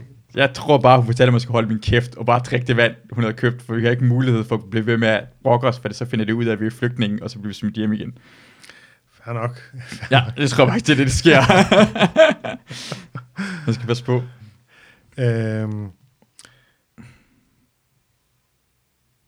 så på et eller andet tidspunkt havner du i Lykstør. Hvordan går det til? Uh, Ranum ligger lige ved siden af, af uh, Lykstør. Når du Øh, havner i Ranum? uh, Ranum, det er flytningscenteret. Nå, det er flygtningscenter. Nu er jeg med. Ja. Ja, uh, og, og så et ligger Lykstør Kommune. Men de kan vel ikke putte alle øh, flygtninge ud i en så lille by som Lykstør? Jamen, de gjorde det heller ikke. Det, de prøver på, er, at vi fik, da vi fik opholdstilladelse, flyttede vi os til Aalborg. Og igen, da vi fik opholdstilladelse, så står vi og venter i rullepositionen i Aalborg i tre timer, på grund af, at det kommer ikke nogen at hente os. Øh, fordi, og så, så kommer lige pludselig nogen hen til os og spørger, er det jer, min mors navn? Og det var det. Det er på grund af, igen, i deres papirer stod der, at det var et spædbarn. En kvinde på slut 20'erne. Det kunne, Og- ikke, det kunne man ikke få ændret, det der spædbarn. Jamen, det, igen papir. En af grunden til, at vi ikke fik, var, at vi tog to år, inden vi fik opholdstilladelse, var, at de troede ikke på vores historie. For det var sådan, hey, du ligner ikke en 20-årig. Det her barn er ikke spædbarn, og hvordan kan det få et barn, der, altså hvor skulle du være Det øh, er 9 år gammel, da du fik det her ting? provokerende, at en tolkefejl kan få så store konsekvenser. Vi var tæt på at ikke få opholdstilladelse, jo. Alle andre, der var sam, kom samtidig med os, de fik opholdstilladelse for tre eller seks måneder. Vi var to år tæt på at blive smidt tilbage igen. Og kan man gennemskue, hvordan man har hørt forkert? Altså, det, øh, altså har tolken ikke set jer? Ja, men det sjove er, at hvis tolken har set os, men ham, der skruede det ned, må også have set os jo. Den person Ja, eller kvinde, ja, ja. Så, så, så det er Det er fuldstændig vanvittigt. fuldstændig vanvittigt. Men jeg tror, det har noget at gøre med årstallet, for vi bruger øh, en anden øh, kalender i Iran, end vi bruger Ah. i Danmark, og så har det måske været en Hvad er det forkert... for en kalender? Men bruger den, den øh, islamiske kalender. Men er i 1300 noget, slut 1300-tallet lige nu i Iran. Altså, så burde du jo være en, øh, en mange hundrede år gammel øh, mand, i stedet for et spædbarn. Ja, præcis. Jeg ved ikke, hvordan det lader sig gøre, men det troede det ikke på. Jeg var ikke flere hundrede år gammel. Vi prøver noget nyt. Men der burde man måske øh, lige kigge på, hvad det er for nogle mennesker, i stedet for bare at skrive et tal ud fra en eller anden random beregning. Nå, Så når man tænker på, om, om man kan, er det, og hvorfor man lyver omkring at få asyl i Danmark, det er jo måske en af grundene til det også, fordi det er man nemt. der er så det- meget, der kan gå galt. Og, Det, det ikke var løgn, var ved at smide os uh, tilbage igen. Øhm, okay, så du boede i Aalborg i en periode? Vi blev smidt i uh, Nordsundby, og vi fik en lejlighed derhen, Ja. og vi gik ind på en skole, hvor alle i klassen, jeg, jeg, jeg skulle, at de, de tvang os til skole, for min mor ville gerne til Lykstør, hun ville gerne til en by, hvor der var ikke andre udlændinge. Hun ville gerne bo blandt danskere. Der var ikke nogen udlændinge, der boede i, hvad hedder det, Lykstør på det var et tidspunkt, rigtigt. I den klasse i Nordsundby, vi gik på, um, det var alle var iranere i den klasse. Undervisningen foregik En på helt iransk klasse? i iransk klasse. Og Undervis- tosproget undervisning? undervisningen foregik på farsi, og en dansk undervisning, hvor der var en dansk lærer og en, en, en, en iransk lærer, der var der samtidig med, hvor hun sender på dansk, eller hun, det, var, det, det var det eneste øh, tidspunkt i de fag, vi havde, hvor det var en øh, dansker i klasseværelse. Det var integration i 1991-92. Okay, så der lærte du så ganske langsomt dansk. Jeg lærte nul dansk. Nul dansk. Du havde jo dog et fag, der hed dansk. Ja, men det er ligesom at prøve at lære tysk på samme måde, som du lærer tysk i sådan 4. klasse. Du lærer det ikke rigtigt jo. Jeg lærte først dansk, da jeg kom et, seks måneder eller tre måneder senere, da min mor tvang igennem, at vi kunne flytte til Lykstør, og hun skulle selv finde en lejlighed, og hun skulle finde alle de der ting, og selv melde os ind i skolen, for det andet havde de gjort for os, men de tvang os til at være en, øh, Så når din mor gerne ville til Lykstør, så var det faktisk ud fra en eller anden øh, idé om, at hun skulle integreres, hvis man Ja. skal bruge sådan et... Jamen, vi vil gerne lære dansk så hurtigt Ja. ja. som muligt komme ind, men skulle, skulle i skole, skal jeg ikke lære synes farsi. virkelig, det er interessant, at når jeg sådan de, øh, de mennesker, jeg kender, som er flygtet til Danmark, det er som regel nogen, hvor deres forældre har haft den der ambition om, at de skulle integreres, og ligesom, øh, øh, hvor der ikke har været noget parallelt samfund, hvor der har været, altså det, det gør simpelthen en forskel, øh, om man har den der indstilling, og man kan så sige, det er ikke for at, at ligesom, øh, øh, nedgøre nogen og sige, at du skal bare have en anden indstilling, fordi nogen har måske ikke det intellektuelle overskud og sociale, kulturelle overskud, det kræver at sige, jeg vil integreres i det her nye land. Mm. Øh, din, din mor er, er veluddannet akademiker og så videre. Der ligger et eller andet også i det der, ikke? at som, som øh, øvre middelklasse eller overklasse eller akademiker, der er det måske et nemmere valg at træffe, men ikke desto mindre er det, så vidt jeg kan se, et uhyre vigtigt valg, når man kommer til et andet land og træffe det der valg. Vi vil ikke ligesom være en eller anden øh, øh, enklave i et ja. parallelt samfund. Vi Ja. vil gerne øh, ud i det danske samfund. Vi vil gerne lære dansk. Vi vil gerne bo i en by med danskere. Vi vil gerne gå i en... Øh, ja, vi kommer til din skole om lidt. Ja, men, men, men også med, hvad hedder det, du kan se, ja, øh, flygtningen, der kom fra Syrien, især i starten, der kom til Danmark, jeg kunne, jeg kunne, når jeg så dem sammen, så lignede det for mig, nu skal igen være fordomsfuld, det lignede iraner. Men det er fordi, det var folk, der flygtede fra Aleppo og fra, øh, øh, øh og fra Damaskus. Det var veluddannede. Det var folk, der havde penge nok, der kom hele vejen til Danmark, og det ville gerne integrere sig på en anden måde, end folk, der kommer på, andre måder. Altså, det er folk, der har valgt at komme til Danmark. De vil, vel, de vælger Danmark på grund af friheden og systemet. Så de, de har valgt Danmark mere, end du har gjort. Du er bare blevet født derhen. Vi valgte på grund af, at vi ja. Kunne lide Danmark. Altså det, og derfor vil vi gerne ind i systemet så hurtigt som overhovedet muligt. Ja, og det Ja. synes jeg er meget interessant også i, øh, i indvandrer-flygtningedebatten, og ligesom sige, at, at øh, der er rent faktisk nogen, der vælger Danmark, og som på sin vis altså, kan sige sig at være mere danskere i den forstand, at det er, sådan, det er et aktivt valg. Nu Ja. ja. valg, ville I jo godt nok hellere til Norge. Ja, men Danmark var øh, godt anvalg. Det er rigtigt, vi vil gerne... Det er ikke som, at Danmark... ja, men Ja, det, ja, det er helt Folk bliver skuffet altid. ja, ja. Nå, men altså, jeg, på nogle punkter vil jeg også virkelig gerne bo i Norge, men, øh, men lad nu det ligge. Øh, jeg er glad for at bo i Danmark. Ja. Ja. Rigtig glad. Øhm, Det er jeg også. Godt. Øh, øh, ja, så din mor havde det her, det her overskud, og ville gerne til Lykstør, fordi Mm. det var så en by, hun havde stiftet lidt bekendtskab med, fordi den lå i nærheden af flygtningecenteret der. Ja. Så hun, hun tager simpelthen selv, kan hun noget som helst dansk Nej, overhovedet ikke. Hun kan engelsk. Hun kan engelsk. Ja. Det er også en fordel. Ja. Det er virkelig, altså også i Kæmpe forhold fordel. til at kunne klare sig og tage de første skridt i forhold. Hvis du bare kommer og kun kan tale somalisk eller et eller andet, Ja. ja. altså, så, bliver det, så er det virkelig oppe ad bakke. Ikke? Jeg vil også sige sin ting, at det første sprog, jeg lærte i Danmark var engelsk. Ja. Ja. Jeg, jeg kunne flydende engelsk meget kort tid, men Ja. lærte i flygtningscenter, lærer man engelsk. Så min mor kunne en lille smule, men, men bliver flydende i Det er jo flygtningscenter. måden, man kan tale med de andre på, øh, og, og Ja. ja. have verbale krig med dem. Og, Ja. Præcis. Så man, man lader de engelske skældsord først, og så... Ja. Motherfucker og alt det her ting, det lærer man hurtigt. Ja, det er den hårde, den hårde engelsk skole der. Øhm, godt, så hun tager til Lykstør, Ja. øh, finder simpelthen et sted at bo, øh, opbygger en tilværelse, hvor er, bor I hus der, bor I i lejlighed? Lejlighed. Vi bor i en lille, lille, rigtig dårlig lejlighed i Lykstør til at starte med, og så Ja. da min far kommer, f- får vi flere penge. Jo flere der er her, jo flere penge kan man få til at bo et bedre sted, men vi havde, ingen, altså, vi havde ingenting. Vi havde nul. Kunne Ja. din mor få et arbejde? Nej, fordi man skal gå i, i starten, når man er i Danmark, så går man i sprogskole. Så de første mange år kunne hun engang få et arbejde, for hun går i sprogskole. Uh, hun skulle være færdig med det, og så kunne hun tage en uddannelse, og så kunne hun begynde at arbejde. Så det gik en del år, før min mor havde et arbejde. Fik hun senere et arbejde? Ja, hun fik uh, arbejde som uh, social- og sundhedsassistent. Okay. Og det er jo sådan det der, man hører tit med nogen, der kommer med en høj uddannelse, Mm. og så bliver det taxichauffør, Ja. ja. socialassistenter og sådan noget. Øh, Hun har ikke overvejet ligesom at, øh, det er jo noget, jeg skal snakke med hende om, men Ja. altså, altså ligesom at, at tage en dansk øh, jurauddannelse, sådan en, en eller anden form for suppleringsuddannelse. Så Men, hun men, kan, men jura er en af de fag, som er reelt nok er svært, fordi det er en, øh, helt en anden hvad hedder, retssystem til et andet. Det, du kan ikke øh, overføre fra et land til et andet. Det er sådan noget, det er meget, meget sjældent, du kan overføre jura så man skal faktisk begynde helt forfra. Det, skal, det kan man ikke. Øh, nogle andre ting kan man måske godt overføre langt nemmere, men jura skal du være enig om, det og kan så du skal ikke. man også, tror jeg, for, altså i det man begynder, skal man virkelig kunne, kunne godt dansk, fordi Ja. øh, jurasprog, det er noget af det mest komplicerede. Ja, altså det er meget, meget øh, øh, øh, højpandet sprog, der bliver brugt i jura. det, det, som Seinfeld siger, det er nemlig det eneste, jeg har læst, øh, hvad hedder det, reglerne på pakken i spillet. Ja. Det er nemlig, det ved de, og det er skrevet på en meget kompleks måde, så man skal Ja, ja. spørge dem, hvad det, må vi gerne flytte brikken herover, så spørger man en jurist. Som min søster er, hun er advokat i dag. Ja.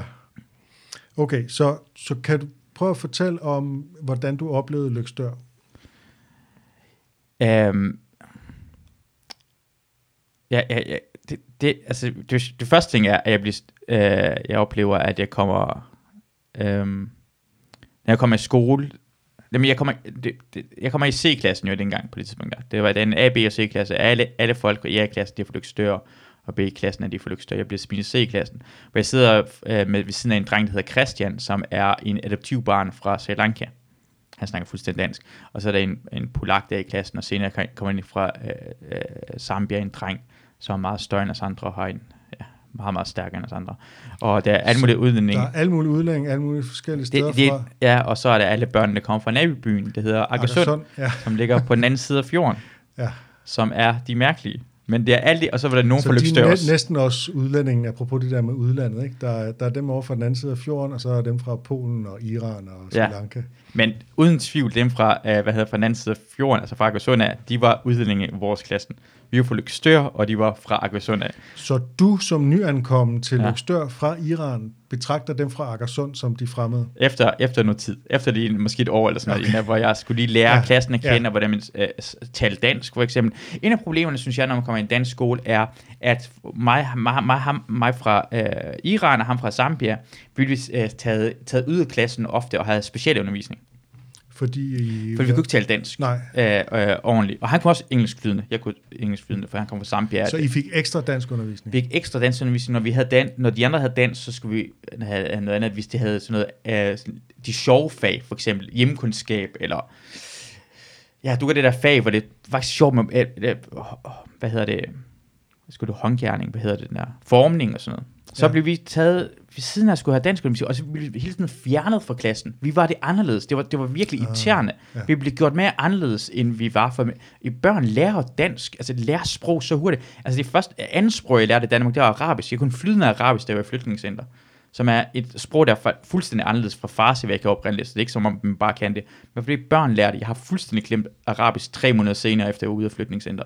Jeg glemte også det meste af min engelsk. Så du lærte noget arabisk i flygtningscenter? Jeg lærte flydende arabisk i flygtningscenter. Flydende arabisk? Jeg kunne- okay, så det var ikke kun engelsk, du lærte? Nej, engelsk var det første arabisk, fordi det er rigtig mange somalier kender Hvordan arabisk. hænger det sammen med, at I ligesom holdt jer øh, fra, for jer selv og ikke sammen med araberne? Det var kun i Sandholmlejren, vi gjorde det. De Okay. andre steder var, Ja. var, var der ikke den der. Det var Nej. den der krig, var der ikke så, men var sammen med det somaliske. Somalier Ja, ja. taler også arabisk og sådan noget. Mange af dem kan tale arabisk.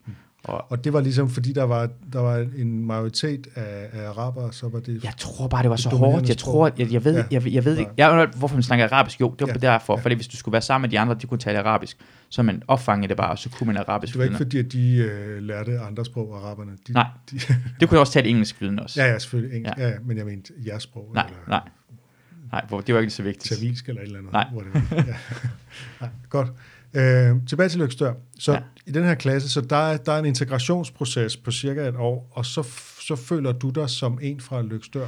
Det, det, det værste ved integrations... Ja, altså den der, hvor vi er delt op i klasser, det der, hvor vi taget ud, det er jo måske op til 6. klasse, det blev gjort det. Det var virkelig irriterende, for jeg kunne efter et års tid, måske halvanden, det kunne jeg læse bedre end måske nogle af de andre børn i klassen. Var det første klasse, du gik i her? Jeg startede i anden klassen, Anden halvdelen af anden klasse, klasse, jeg startede der. Jeg kom i, lige efter jul Ja. ja. anden klasse, Yes.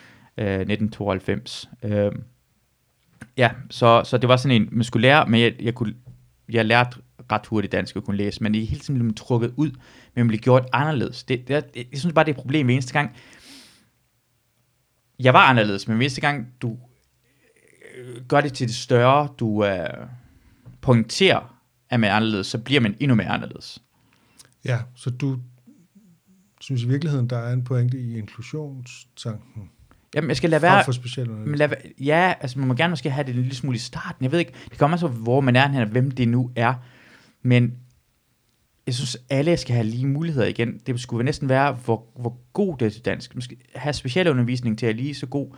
For det, det jeg havde et problem med min øh, Iman, da han skulle begynde skole jo, øh, i Danmark, øh, så skulle øh, så fik han et brev om, at han skulle dukke op om sommeren til specialundervisning, fordi han, fordi han skulle i specialundervisning til dansk. Og så spørger min søster, sådan, hvorfor skal han det? Det er fordi, det eneste grund, det er, fordi han hedder Iman Kustovic. Så de troede, at fordi han har en anden baggrund, så, Så han, måtte han være tosproget, eller så måtte han være... han er tosproget. Det, han Ja. kan tosproget. Han kan, Men han, han kan, han, han, han kan bosnisk, Ja. men han kan dansk bedre end måske andre danske børn kan. Men i stedet for, og så føler man, man kommer til med det samme ting, hvorfor bliver, altså I ved, jeg er anderledes, nu opfører jeg så mange anderledes, så er jeg anderledes jo. Det er derfor, det er anderledes, mm. for stupid is what stupid does, altså anderledes er, hvad anderledes gør. Ja. Øh, så ideen var også, det kan jeg også godt blive irriteret over, fordi hvad med hvis det var, en, som du sagde, det var, det var en anden dreng, en anden pige i samme område, som Iman kommer fra, som var dansker, men havde været dårlig til dansk, end Iman var.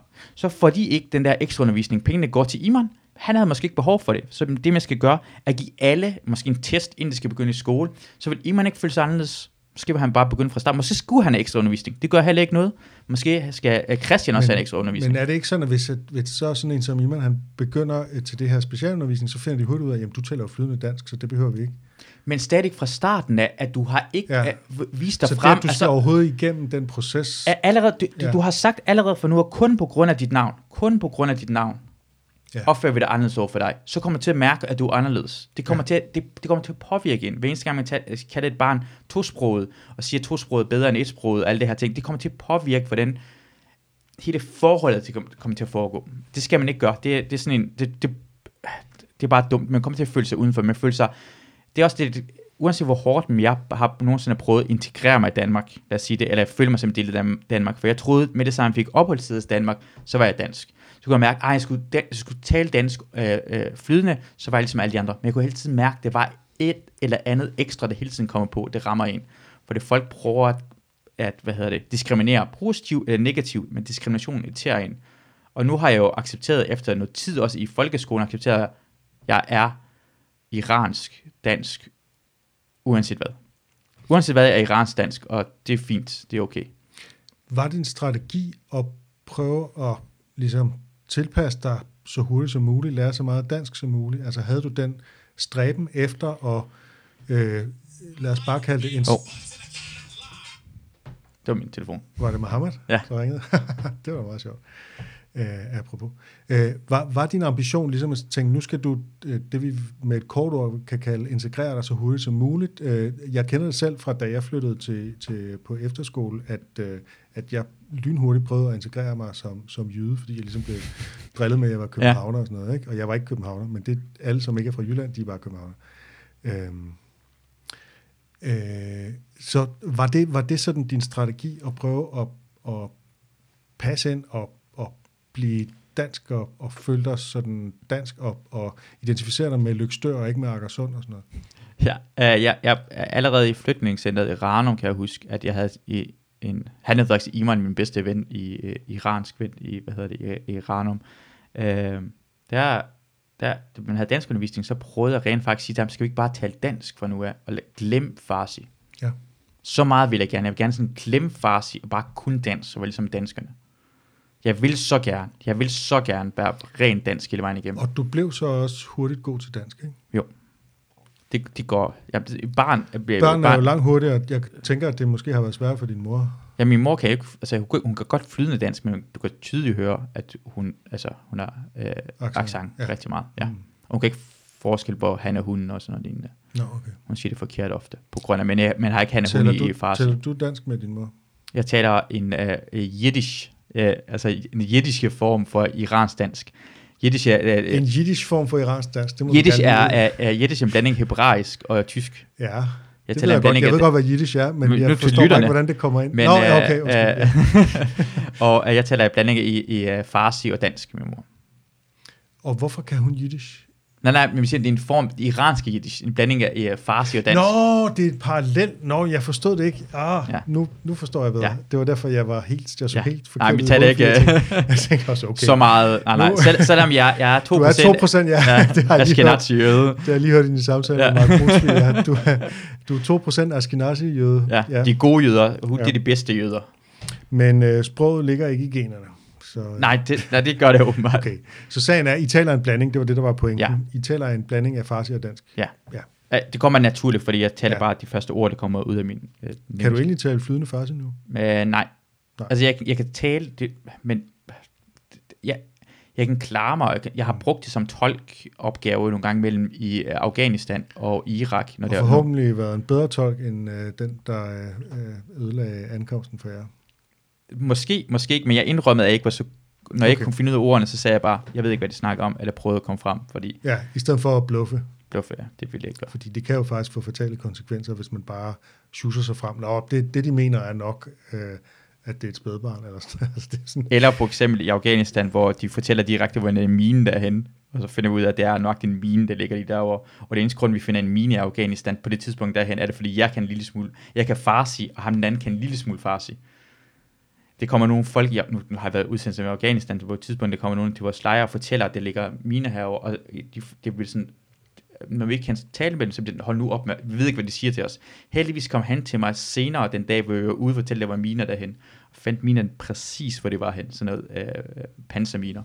Øh, øh, det var, det, kan være, det var det problematisk, for hvis jeg ikke var der, eller senere hen, når jeg ikke kunne farsi, så gad de ikke engang snakke til danskerne, så kan de, det smisser os med det samme. Og det er et problem i uh, langsigtet en krig. Ja, ja. Tilbage til Lykstør. Ja. Øh, oplevede du, at øh, du så efterhånden, altså lykkedes det at blive ligesom accepteret i lokalmiljøet øh, som Ja, jeg, jeg, jeg tror, at man ja, en lille Eller var, smule, var men du, jeg tror, var du altid den fremmede? Hvordan var det, det der med at være den fremmede og være en, der hørte hjemme? Ja, det, altså jeg tror, at blandt de folk, der var tæt på mig med klasse eller sådan noget, så blev jeg accepteret, men det er altså stadigvæk vist, øh, det er sådan noget, jeg tænkte på bagefter. Jeg har ikke tænkt på, at det var unormalt. For eksempel, jeg kunne ikke tage til, lad os sige, halvbal, uden at truslen af tæsk var der. Jeg vidste godt, at jeg ikke kunne tage i byen i Lykstør, uden jeg kunne få tæsk på grund af, at jeg var udlænding. Alle udlændinge vidste godt, at jeg kunne få tæsk, hvis du var i byen eller til halvbal. Det eneste person, der ikke fik tæsk til halvbal, det var Tito. Han fra Zambia, som var en fucking monster af en person. Han var en stærk. Han tæskede folk, der var to-tre år ældre end ham. Det er ikke nogen, der fuckede med Tito. Uh, han, han var ripped fra starten af. Og du var sådan lidt mere en splejs? Jeg var en splice, men det, og jeg var den eneste iraner, for det, det senere han kom masser af bosnier, så gik de også sammen, bosnierne. Så det tog i byen, så var tre-fire bosniske drenge, der gik sammen, og, eller tog til halvbal sammen, så de kunne forsvare sig selv. Jeg var den eneste iranske dreng, der var der, og jeg var en splice samtidig med. Så øh, muligheden for tæsk var der. Altså det, jeg, jeg troede bare, det var, jeg, jeg, jeg overvejede ikke, at det var unormalt. Jeg troede selvfølgelig, men det bare vokset op i det på samme måde, som man vokser op i Iran, tænker, krig er normalt. Øh, ja, muligheden for kemiske våben er normalt. Og Sandholmlejren, det er alting ja. er normalt jo, man tænker ikke ud over. For det var normalt jo. Havde du venner? Øhm, jeg havde, ja, altså jeg var gode venner med Tito, som var også min øh, største mobbe, øh, mobber. Han mobbede mig også. Øh, Hvordan hænger det sammen, at I både var øh, gode venner? Og han, han var rigtig god. Altså var det på samme tid? Altså. Ja, men det, jeg, jeg, jeg var også, jeg, jeg, også, jeg, også, jeg, jeg, jeg tror jeg lidt ligesom dig, jeg var en lille, jeg, jeg er en lille nørd, så jeg kan godt lide være alene og være for mig selv og gøre nørdede ting for mig selv. Så øh, jeg, jeg, jeg fik venner, men jeg kunne også godt godt lide at være alene. Jeg var, jeg var en særling også samtidig med. Mm. Øh, okay. Og... Øh... Men, men nu skal jeg bare sige, hvordan for eksempel ja. det at være lykstør. Øh, og det, der, det også betyder noget for integration, synes jeg, er for eksempel, lad os sige, øh, få et job. Alle de andre børn, øh, hvordan de tjener penge. Som, for, for det første at sige, vi havde ikke en skide penge. Da min søster skulle til Bornholmer-tur i 6. klasse, øh, havde 100 kroner med sig. De andre børn havde 500.000 kroner. Hun havde 5, øh, 100 kroner til at bruge på sig selv, eller slik, eller noget andet. Det var meget, meget let. Øh, vi havde nul ekstra penge. Vi havde ikke noget nyt tøj. Vi havde ikke noget mærkevaretøj. Vi havde ikke noget som helst. Så men man kunne måske få det, hvis man kunne tjene nogle penge jo. Men langt det meste arbejde, for eksempel, øh, går, får man jo gennem sin, øh, sin netværk. Så hvis du er øh, Anders eller Lars, så bliver du 12 år gammel eller 13 år, hvornår man begynder at arbejde, så kan du arbejde i store køb eller brusen, for de kender folk. fritids... Øh, det, så, sådan fik jeg ikke arbejde jo. Det var meget, meget svært, fordi man kendte ikke du nogen. Du kunne ikke gå ned på tanken og spørge, om du kunne... Jo, det, det krævede bare meget, meget mere, og jeg var, jeg var også genert, og det tog, jeg fik, mit første arbejde var igennem min søster, der havde allerede fået arbejde i faktisk i tanken, for okay. eksempel. Ja. Så arbejdede du på tanken? Jeg arbejdede i en tank, men det gjorde først, da jeg var 15. Det var op til alle mine fordomme om provinsen. jeg har ja. selv boet der. Jeg har, selv jeg har også arbejdet i kiosken. Ja, okay. ja, så, men det, var, men det krævede noget, det krævede det, og, og lad os sige for eksempel, øh, første gang vi købte en computer, så kan vi ekspert, min mor købte en computer, den computer vi fik, fik jeg senere, øh, fandt vi ud af, at det manglede dele i den, for du kunne sælge den til os, uden vi rigtig kunne brokke os, for vi var udlændinge. Da vi flyttede vores første lejlighed, blev vi røvrendt rigtig, rigtig meget, for vi vidste ikke, hvor vi skulle brokke os, så vi tog alle vores depositum og ekstra penge til. Hver eneste gang vi kunne blive røvrendt, så gjorde det det, for vi havde ikke noget netværk. Mm. Gang vi skulle få ekstra arbejde eller noget ekstra, så fik vi det ikke. Og jeg tror, at nogle gange handler det om det, det når man har, man har, udover at man har nul penge, når man kommer i Danmark, har man også nul netværk. Man er fuldstændig alene. Har din mor, fik hun et netværk? Hun, hun begyndte at, hvad hedder det, uh, uh, uh, hun, hun var med i husmorforeningen. Hun begyndte at melde Der fandt det simpelthen en husmorforening ja. i 1990'erne. Ja, og hun var med i bestyrelsen. Kom med i bestyrelsen bagefter. Okay, det, det, vil, jeg- det vil jeg også interviewe hende om, hvad, ja. Hvad overhovedet en husmorforening er, for det er fuldstændig ja. fremmed for mig. Jeg tænker, det er sådan noget, som, som blev nedlagt i 50'erne eller sådan. Nej, i Lykstør var der husmorforening. Og jeg tror, i nullerne var det kontrovers, fordi mænd kunne også melde sig ind i Men det var husmorforeningen. da... Uha, Ja, ja. uha. Nå, ja. Ja. Øh, men det, at det synes jeg igen, altså igen så har hun jo gjort noget rigtigt der. Altså det er jo et virkelig godt træk at sige, uh, uanset hvordan man tænker om husmorforeninger, jeg tænker umiddelbart ikke så det helt store om Ja. det, men det siger måske også noget om mig. Men altså ligesom at tænke, der er et sted, hvor jeg kan øh, få mig et netværk, hvor jeg kan gå ind og ligesom aktivt gøre det. Det synes jeg er enormt sejt. Meget, meget sej mor. Selvom at husmorforeninger ikke lyder som det sejeste sted i verden, så tror jeg, det er et rigtig godt træk lige der Ja. på det tidspunkt i den situation. Ja. Og vi var til husmorforeningen var også rigtig godt. De havde sådan noget årlige øh, sådan julefrokost, sagt noget, det var julebango, så mødte vi op til Ja. det, og så spillede vi bango og vandt nogle ting. Og, Ja, ja. ja. Så I, I fik et netværk i Lykstør? Uh, ja, men ikke... øh, Det var ikke som om... Altså, I, vi var ikke så- hele tiden hjemme hos på besøg hos folk. Altså, det var ikke sådan et netværk, som alle mulige andre folk havde. Meget, meget, meget, meget. Altså, vi var aldrig nogensinde hjemme. Måske har jeg ikke husket tre gange, vi har været ude. Nogle var hjemme hos os, eller vi spiste ude hos nogle andre. Netværket var meget... Altså, det var ikke rigtig netværk. Det vil jeg ikke sige. Min mor bor heller ikke i Stør længere. Det netværk er det ikke. Det er ikke en rigtig netværk, havde. Hvor bor hun nu egentlig? Hun bor i Randers. Okay. Hun er en meget større, hun, hendes netværk er lige nu, på grund af, at hun har lavet en, øh, en iransk forening øh, for Midtjylland. Det er hende, der har været med til at lave den iranske forening, så når Iran er kommet til det, hun to- hjælper at tolke nye iraner, der kommer, mm. og hjælper til at øh, få et sted at bo og få et arbejde, når de kommer til Danmark. Og hun arbejder for øh, øh, Blå Kors, som er Randers' yndlings øh, genbrugssted, fordi alle pengene går til danskerne. Blå Kors, det er sådan noget afholdsforening, ikke? Øh, det kan godt passe, men det, det er den største genbrugsbutik i, hvad hedder det, i, fordi Okay. alle pengene Så går til hun arbejder i danskerne. butikken? Ja, og det Ja. siger de også i butikken, at det er rigtig godt. Det er bedre end Røde Kors, for pengene går til danskerne.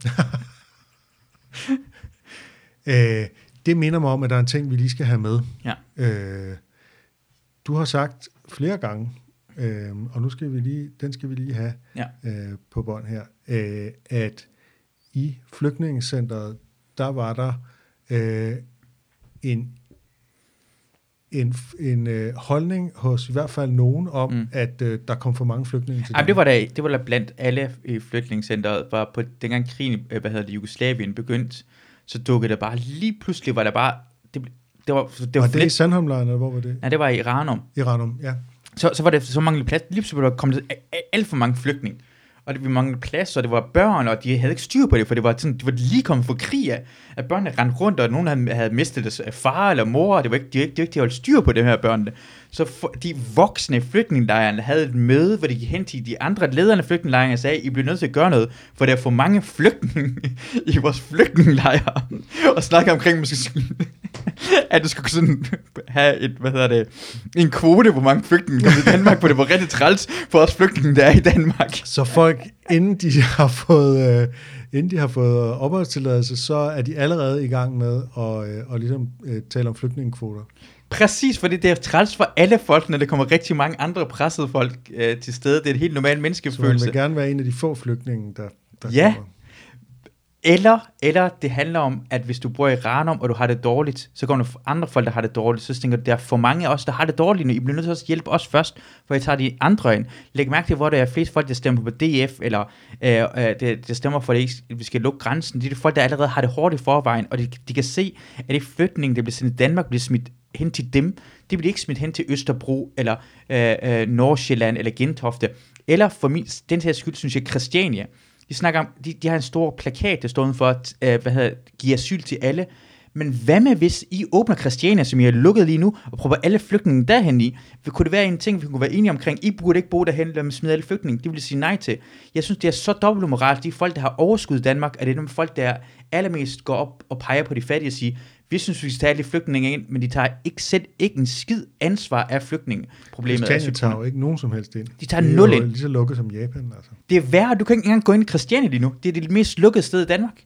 Efter coronaen er kommet til, så er Christiania fuldstændig lukket, og du kan ikke få et sted at bo, uden at alle er enige omkring det. Men hvad hvis Danmark gjorde det samme? Så tror jeg heller ikke, ville være, hvis du var nogen, der var uenige omkring udlænding skal komme til, så havde vi ikke noget udlænding i Danmark. Så, så det der dobbeltmoralskhed, jeg forstår, jeg, jeg, jeg er mere enig omkring de folk i Ranum, som stemmer DF, på grund af, at de store partier har røvrenten og smidt alle de fattige hen til de andre fattige i Danmark, fordi de har ikke noget at sige, de har ikke nogen penge, de kan ikke, de kan ikke påvirke, de har ikke noget, øh, hvad hedder det, lobbyorganisationer. Øh, så, så, så jeg er fuldstændig enig med den. De, de, flygtninge og dem, der stemmer imod flygtninge, har mere til fælles, end dem, der bor i Gentofte eller Østerbro, eller hvor jeg bor på Refsaløen. De, de er snobbet, og de, de, jeg havde det snobberi. Gør, gør noget først, hvor du selv kan gøre en forskel, og kigge indad til. Og Christiania er det største problem. Smid alle ud i Christiania, fyld op med flygtninge. Ja. Øhm, jeg vil gerne lige tale lidt om øhm, sådan din, lidt mere om sådan din, din oplevelser af, af Danmark. Er det rigtigt, at du har sagt, at i begyndelsen synes du, at, at alle danskere lignede hinanden? Ja. Øh, så det var fordi, vi var hvide og havde de samme frisyrer? Eller? Jeg, jeg tror, hvis du, du ser en dansker, ligesom, ligesom dig, hvis jeg lige kom til Danmark, og det var en anden mand, der havde øh, hovedet formet som et æg, og øh, skæg og briller, så vil jeg kunne se forskel mellem jer. Altså, du synes jo stadig, at alle med briller og skal og skæg ja. ligner hinanden. ja, det gør en lille smule, men, men hvis man er helt udlænding, øh, så hvis man kan se, så er der mange folk, mm. der er hvide, for det, man lægger, øh, det man lægger, jeg tror, jeg tror det, det ligger øh, i mennesker, at man lægger mærke til det, der, det, det går ind i forskel. Ja, det er jo det samme som, at vi synes, at alle kan kinesere Kineserne ligner, og de gør det også. De ligner alle sammen rigtig meget hinanden. jeg tror ikke, de selv synes, og de har, de er jo faktisk meget fremme på sådan noget med ansigtsgenkendelse. Netop. Ja. Det må være, fordi at de ja, faktisk det er, ikke ligner hinanden. Det er rigtigt, men det er ret svært for dem alligevel. Jeg tror, de laver masser af fejl. Jeg tror, de laver rigtig mange fejl i det der ansigtsgenkendelse. Uh, men, men, men det er bare, hvis, fordi hvis det er kun en sort person, så er det, jeg tror, at hjernen siger bare, den sorte person, det er, det er Erik. Jeg siger det. Ja, fordi vi, det første, vi gør, når vi møder et fremmed menneske, det er at putte dem i nogle kasser. Øh, sådan så vi hurtigt kan reagere på øh, ven, fjende, øh, øh, særlige hensyn. Øh, hvordan skal jeg møde det her menneske? Du har altid det, du er, øh, som de andre ikke er. Så i Danmark er iraneren, i Iran vil være, øh, hvad hedder det, øh, være danskeren. Hvis vi alle sammen var skaldede, så var du den med brillerne og, og, og i det her rum. Altså det, du, vi tager bare kun det, der er anderledes. Det er sådan, vi ser på hinanden på. Du sagde også, at det, at det var første gang i Danmark, at du så sorte mennesker. Ja, det var i... Øh, og synes du også, de lignede hinanden? Ja, det gør også. Så alle andre end, øh, end iranere, altså, synes du også, at araber lignede hinanden, eller var det sådan mere øh, close to home? Uh, for det første er araber og iraner er meget forskel på hinanden. Uh, iraner ja, ja, det er, er derfor, jeg spørger. Nej, uh, det kan jeg ikke. men jeg tror, jeg tror bare i det hele taget, uh, jeg, jeg, jeg vil ikke sige nøjagtigt, men jeg kan bare tydeligt huske første gang, jeg så tamiler, jeg så uh, uh, somalier, Øh, danskerne var nemmere at se forskel på. Jeg kan bare huske, det var nogle gange imellem, var det sådan to drenge, der minder omkring hinanden i min klasse, og så kunne jeg ikke se forskel på de to nok. Mm. Det, handler, det handler ikke som om, de alle sammen er ens, men det var altid nogen, man synes, det lignede næsten nok hinanden. Det er svært at se forskel på. Mm. Jeg tror, det er det, det egentlig er. Og det skete mere for somalier, men det skete også for danskere. Øh, øh, ja. Øhm, hvad kan du huske omkring sådan dit møde med dansk øh, Lad os tage først sproget. Altså, hvordan synes du, det danske sprog lød, og ja. hvad var det svære ved at lære det? At dansk er udefra måske det, en grimmeste sprog, der findes i verden. Øh, lyder det som, at det er jo lidt klichéen, at det er noget med at have en kartoffel i munden, eller man mumler meget. Hvad er det? Ved det, det lyder mere som en person, der vil blive kvalt. Jeg har lyst til sådan at give den heimlich manøvren. Uh, det, med, ja. det, det lyder som om, de har noget galt i halsen. Det er ikke engang kartoflen, det lyder som, fordi den er så rå, den er så grim. Det lyder som, du vil kaste op. Du er i gang med at give mad til en fugleunge. Det er det, det lyder dansk Du skal til Køge og købe rødgrød med fløde. Ja, rødgrød med fløde. Og rødgrød med fløde, som er en af de sjoveste ting, fordi det første gang, jeg bestilte rødgrød med fløde, var faktisk i år på Umuts restaurant, Guldkron. Det er ja. første gang, jeg har set det på en menu. Rødgrød fløde findes ikke ud over danskens fantasi for at mobbe det nye, det kommer til Danmark. Jamen det er rigtigt. Altså jo, jeg har, øh, jeg har stiftet bekendtskab, men jeg spiser det jo ikke, fordi jeg ikke spiser frugt. Men Nå, jeg, ja. jeg har, det har faktisk, øh, det, det, det, var noget, man fik hos mine bedsteforældre for eksempel. Så det er sådan, det er en ting. Ja, det, ja. Øh, og sådan en sommerting, som nogen laver. Sådan noget, ikke? Men det er ikke en ting, man har behov for at lære som det første, som udlænding, Det er der jo kommer til Danmark. udelukkende, fordi det er svært at sige. ja, det er så, det, hvorfor skal man så lære det? Hvorfor skal det være det sværeste, som det allerførste, lære? har, det forestiller mig, at alle sprog har sådan et eller andet. Ja. Ja. Tyskere har et eller andet, og iraner har et eller andet, Ja. ja. som er svært at sige på Ja. farsi. Er der noget, der er svært at sige på farsi? Det, det, det er det nok. Det ved jeg faktisk ikke. hvad- twister. Ja. Vi har ikke så mange udlændinge i Iran, vi smider dem hurtigt ud. Ja, okay. men, altså, men det kan også bare være nogen, man selv, altså du ved sådan noget, altså stativ, stakit, kasket og sådan Ja. noget, ikke? Nå, øh, okay, så, så det lød sådan, øh, det lød sådan øh, lidt bøvet måske, og lidt... Øh, Det, det lød som, det lød som, det var sjovt, svært. fordi... Og, Ja. og, og for dansk er som, jeg, Jakob Tornhøj tror, jeg- jeg ved ikke, om han går grin med det her ting, men også med, øh, ud over grammatikken, men, men øh, øh, svensk er et sprog, hvor man kan tydeligt læse, hvad man skal sige, og det er dansk ikke. Nå. Det er alt for mange stumme, og det røde, Ja, ja. det bliver sådan Ja, ja, anderledes ja. som en tog, og to er det stadig nok på samme måde, men to forskellige måder at sige det på. Og, Og der er også de der vokaler U, Y og Ø, Ja. som øh, kan være svære for udlændinge at kende forskel på. I starten kunne jeg ikke. I starten, jeg kan huske, dengang vi skulle lære det, så kunne jeg ikke høre forskel på det. Det er først senere hen, øh, jeg, kan, øh, jeg kan sige det og høre forskel på det. Mm. Det lyder nøjagtigt ens, når man kommer udefra. Ø, Y og ja. Ø. Ja. Ø, Ø. Y og U, ja. Ø, ja. Jeg synes, Y og Ø lød meget ens Ja. sammen. Ja.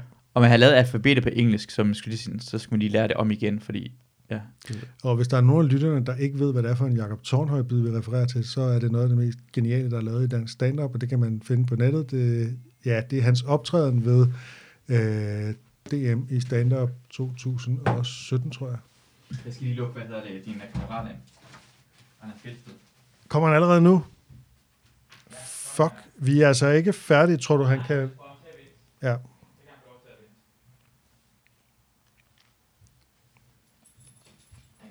Og nu bliver Anders Fjeldsted lukket ind. Anders Fjeldsted er kendt for at komme for tidligt. Det har hans øh, kæreste i hvert fald altid sagt. Hey. Og øh, jeg vil også lige nævne, at Jakob Tornhøj er sjov. Det ved vi. Nå, undskyld, sjov er jeg han heller træder, ikke. undskyld. Det var derfor, du så forkert ud i hovedet. Jeg havde glemt, at han er din nemesis, Ja, øh, fordi han er så fucking sjov. Godt, Christina ikke er her, så hun kunne hurtigt komme herind og fortælle, hvor sjov Ja, egentlig den er bare så sjov der, hvor han taler om dansk sprog og sådan noget. Og alt andet også, for simpelthen, han ser ud, og han er også flot samtidig. Okay. Nå, øhm, vil lige vente, indtil han lukker ind, så kan jeg lige sige. ja, okay. Sådan. Ja, øh, kan du huske noget sådan, nu har vi talt om sproget, kan du huske sådan noget om dansk musik, dansk tv, radio, der, der sådan slog dig? Ja, nu skal jeg til. Og jeg kan huske reklamer. Ja, Jeg, vi elskede reklamer. Min søster var fuldt... Men, men vi ventede på reklamerne. nogle TV2-reklamer. TV2-reklamer. Reklamer var første gang, men jeg havde ikke nogen reklamer i Iran. Reklamer var fantastiske. Det var sjove, og det skete med... Det var farver, og det var vildt. Man elskede reklamer. Det var sådan noget morsuppe og sådan noget. Ja, men det jeg kan huske den der Tuborg-reklamer, for eksempel. Han, det der med... med Tuborg-reklamer var ret sjove. Og jeg ved ikke om squash-reklamer, Squash, jeg ja. ved ikke om squash-reklamer, men det var, den, det var den der Tuborg-reklame, hvor ham der manden, han drak øl, og så bliver mere og mere fuld, og så hende der pigen over for at blive mere og mere lækker. ja, det er rigtigt. Jeg ved ikke, om det er lige nok derfra, jeg kan huske, hvad hedder det? Den ville ikke gå i dag. Den er så god. Den er sådan en af de bedste reklamer nogensinde. Altså, hvis, Synes du virkelig? Okay. det var virkelig sjov jo. Altså, ja, alle det folk var er enige omkring men det. Der har jo virkelig været mange sjove reklamer. Øh, men øh, ja, okay. Og, og det med, det er, ja, hvad hedder det, og så kan jeg huske, øh, hvad er det, reklame, når jeg kan huske, hvad de, de nattergale, hvad hedder det, øh, den er julekalender, julekalender. det julekalender, den var virkelig god. Det var den første julekalender, jeg så. Og hvad gav det mening for dig, det der foregik? Jeg tror ikke, det 100% giver mening, men det er bare sjovt at se. Det er bare sjovt at se det. Jeg kan huske så også, altså, fordi man så TV2, som så Blomsterbørns Børn, kan jeg huske, jeg så. Man så Lykkehjulet. Man forstod ikke noget som helst, men man så Lykkehjulet. Lykkehjulet. Men vi så også masser af tysk tv dengang, på grund af, at man kunne se tysk tv. De havde lorte reklamer. Men, uh, uh, men man så også tysk tv. Man forstod ikke noget som helst, men man så det. Man så, ja, Mm. uh, Family, Family Feud og The Price is Right på tysk. Men, uh, men danske reklamer, kan jeg huske, det var vi ret vilde med. Kan du huske noget sådan om dansk humor? Øh, stand-up var jo ikke endnu stort, men sådan, øh, var der noget sådan, nu sagde du, øh, altså, Det julekalender. ikke? Ja. Øh, ja. Var der andet, du sådan, Se hvad for noget. Jeg kan huske, det var det julekalender. Det er, det, min, det er faktisk min mest nære. Og så kan jeg huske, Hugo var der. Øh, elevatoren. Ja. Elevatoren var der, og så var der Majers. hvor skal vi hen, du? Ja, det var rigtig sjovt. Man kunne trykke på telefonen, og Bubber var der. Bubbers badekar. Bubber, Bubber er der stadig. Ja. Ja. Han kom ud af badekarret.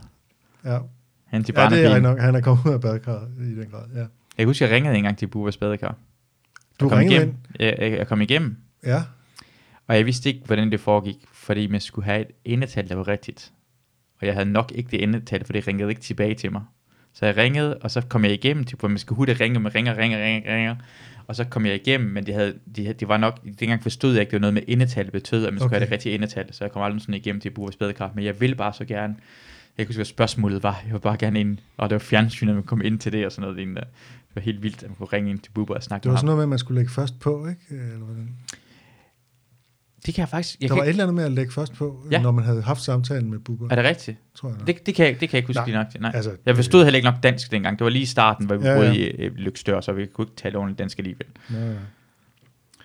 Øhm, er der andet sådan, du tænker, at din... EM 92, jeg var EM der. 92. Jeg var ved Rano. Det tror jeg, Danmark vandt, øh, hvad hedder det, øh, det var du verdensmester. Danmark? og Ja, var det- rigtig, rigtig meget. Jeg havde, jeg, jeg, jeg købte bagefter købte jeg et kl- klaphat, og jeg havde øh, Danmark...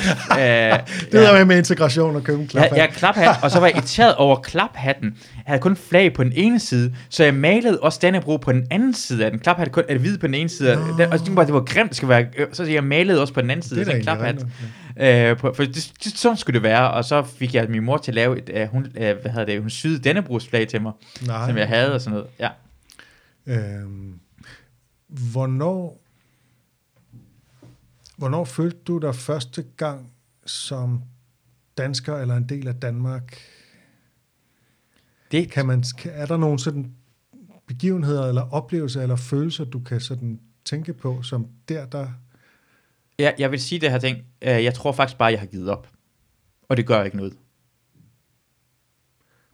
Øh, Jeg tror aldrig nogensinde, jeg kan blive 100%. Jamen, Det var heller egentlig ikke Eller- et spørgsmål. ah, det, ja. det var sådan, altså, jeg tænker dig jo som dansker med iransk baggrund, Ja. men dansker med iransk baggrund. Øh, og der er jo forskel på at være i en flygtningelejr og være den fremmede, der ikke kan sproget, og Mm. så på et eller andet tidspunkt, altså stå med en klaphat og hæppe på Danmark. Altså, der må være sket et eller andet i den proces. Jamen det var, det var altså, at det var jo allerede et flytningscenter, at jeg prøvede at være dansker og blive dansk hele vejen Mhm. igen. Jeg håbede på, den, at jeg hævede på Danmark, at jeg vil også føle, men med det samme, det kommer udenfor. Altså, jeg, jeg, jeg, jeg følte, at jeg, jeg, jeg følte mig som om, jeg var hævet på Danmark, men jeg har aldrig, jeg hævede på Danmark med det samme, jeg var i Danmark jo. Den, den proces startede jo med det samme, jeg kom til landet Ja. jo. Mm. Men, men, er jeg hoved, men, men ideen med at føle sig dansk, er noget, man føler, når man kommer udenfor, og hvordan andre folk opfører sig. Så det kan godt være, at du, du ikke tænker på mig, som ikke var dansk, men, men det kræver bare 5-10 procent, det ikke gør. Du mærker det med det samme, du mærker anderledes. Jeg kunne mærke, det jeg, jeg har været i Iran igen en gang, efter jeg har været i Danmark. Og øh, samme oplevelse havde jeg på en på vis måde også i New York. Det var, at folk ikke kiggede, jeg, jeg ved ikke, hvad det er, men jeg følte mig ikke anderledes. Nej, i New York Eller i Iran. eller i Iran. Men den lille smule i. Danmark, det, jeg tror bare, den er 10 procent. Det er bare Ja. ja. vel 10 procent lavt. Det er en lille ting, det gør hele tiden. Folk opfører sig og stiller spørgsmål. Men jeg kan mærke i folks øjne, hvordan de kigger på en, hvordan de opfører sig. Og for at du kan føle dig som dansker uden forbehold, så skal du, så skal du have sådan 100% oplevelse af, at du bliver, mod, altså op, at du bliver opfattet som dansker. Er det der, vi er henne? Ja, det kan være alle mulige små. Det kan være det der, for eksempel som en lille barn, man går i Lykstør, hvor jeg er i en legetøjsbutik, hvor ekspedienten følger mig rundt over det hele, lige bag min ryg, og jeg troede bare, at det var en god ekspedient. Det betyder, at hun troede, at jeg stjal jo. Det er en normal ting, der sker, eller, eller, eller øh, stadigvæk i Danmark, hvis vi var på en restaurant. Jeg kan huske, det var lang ventetid, og alle de andre fik øh, vin, tilbudt vin. Det gjorde vi ikke. Og vi ventede en time. Det troede vi jo øh, øh, muslimer, at vi ikke skulle have vin. Ja. Opfører os anderledes. Eller det der, men hele tiden er der små ting, der gør det. Der er også den der historie, du har fortalt om, at du var med i en eller anden meningsmålingsundersøgelse om, hvorfor øh, indvandrere ikke var domsmænd. Præcis, hvor hvad, øh, øh, hvad, den, der spørger mig ind til det, spørger mig om, hvad med de andre udlændinge? Og jeg siger bare, jeg er ikke fra Nørrebro, jeg kender ikke de andre, der bor der, men du må kende til det og spørge. Fordi jeg bliver brugt, men jeg siger, øh, Sagen bare er, fordi du, er udlænding. ikke, du er ikke en del af et indvandrermiljø på nogen måde. Og jeg, bliver, og jeg bliver hele tiden betragtet som en del af, jeg bliver hele tiden sat i bås, i stedet for at jeg er Masoud Vahedi, er jeg også en ting, hvor du har øh, øh, proppet øh, værdier og holdninger til. Og, og det er svært at lade være, jeg, jeg har bare fundet ud af, det er svært at lade være med at gøre det. Det er svært, for jeg gør det, alle gør det. Jeg, jeg, jeg har bare fundet ud af, at det er i orden. Jeg vil hellere have, at vi anerkender, at vi alle sammen kommer til at gøre det, så vi er opmærksom på det, i stedet for at lade som om vi ikke gør det. For det er nogle folk, der også lader som om, at jeg er så, jeg er så åben for fremmede, at de gør det for meget. Jamen, jeg har mødt iraner, og I er de bedste mennesker i verden, eller jeg kender også udlændinge, så, så har du, du har allerede lige nu mm. har skruet for meget op. Ja, du, ja. du er ikke neutral lige nu. Øh, øh, og, og, øh, og, og, eller, eller, den her, det er noget af det værste, person kan gøre for mig, og det ikke forstår det, at når en person også bedste mening siger, at ved du, jeg kommer fra, jeg kommer fra Randers med, lad os sige det. Og jeg synes virkelig, jeg synes, det er virkelig dårligt. Jeg synes, jeg synes, nu, jeg synes, udlændinge burde kunne være i Danmark og sådan noget. Jeg synes, du, burde, du, må, du må gerne. Jeg forstår ikke, hvorfor de er efter dig. Jeg skal ikke opføre det anderledes over for dig.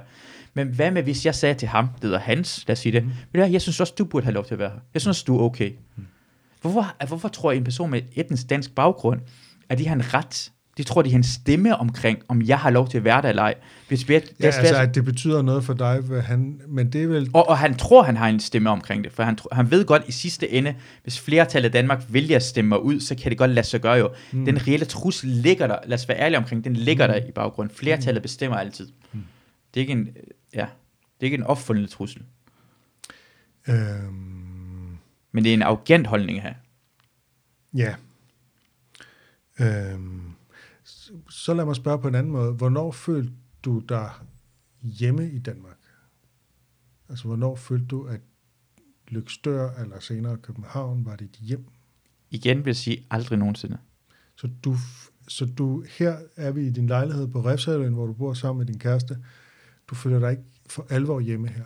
Jeg tror, en anden ting, usikkerhed, det ligger dybt ind i mig. Jeg tror, det, mange, det kommer ud fra, ligger, at jeg aldrig sådan 100%. Jeg tror, det, igen det der med, at vi kigger anderledes på en. Men det kan gå tilbage til, at jeg snakkede for et års tid siden, hvor jeg hos min psykolog, og jeg skulle finde ud af, hvordan jeg finder til ro. Det sted, hvor jeg er allermest tryggest. Og jeg begyndte at græde.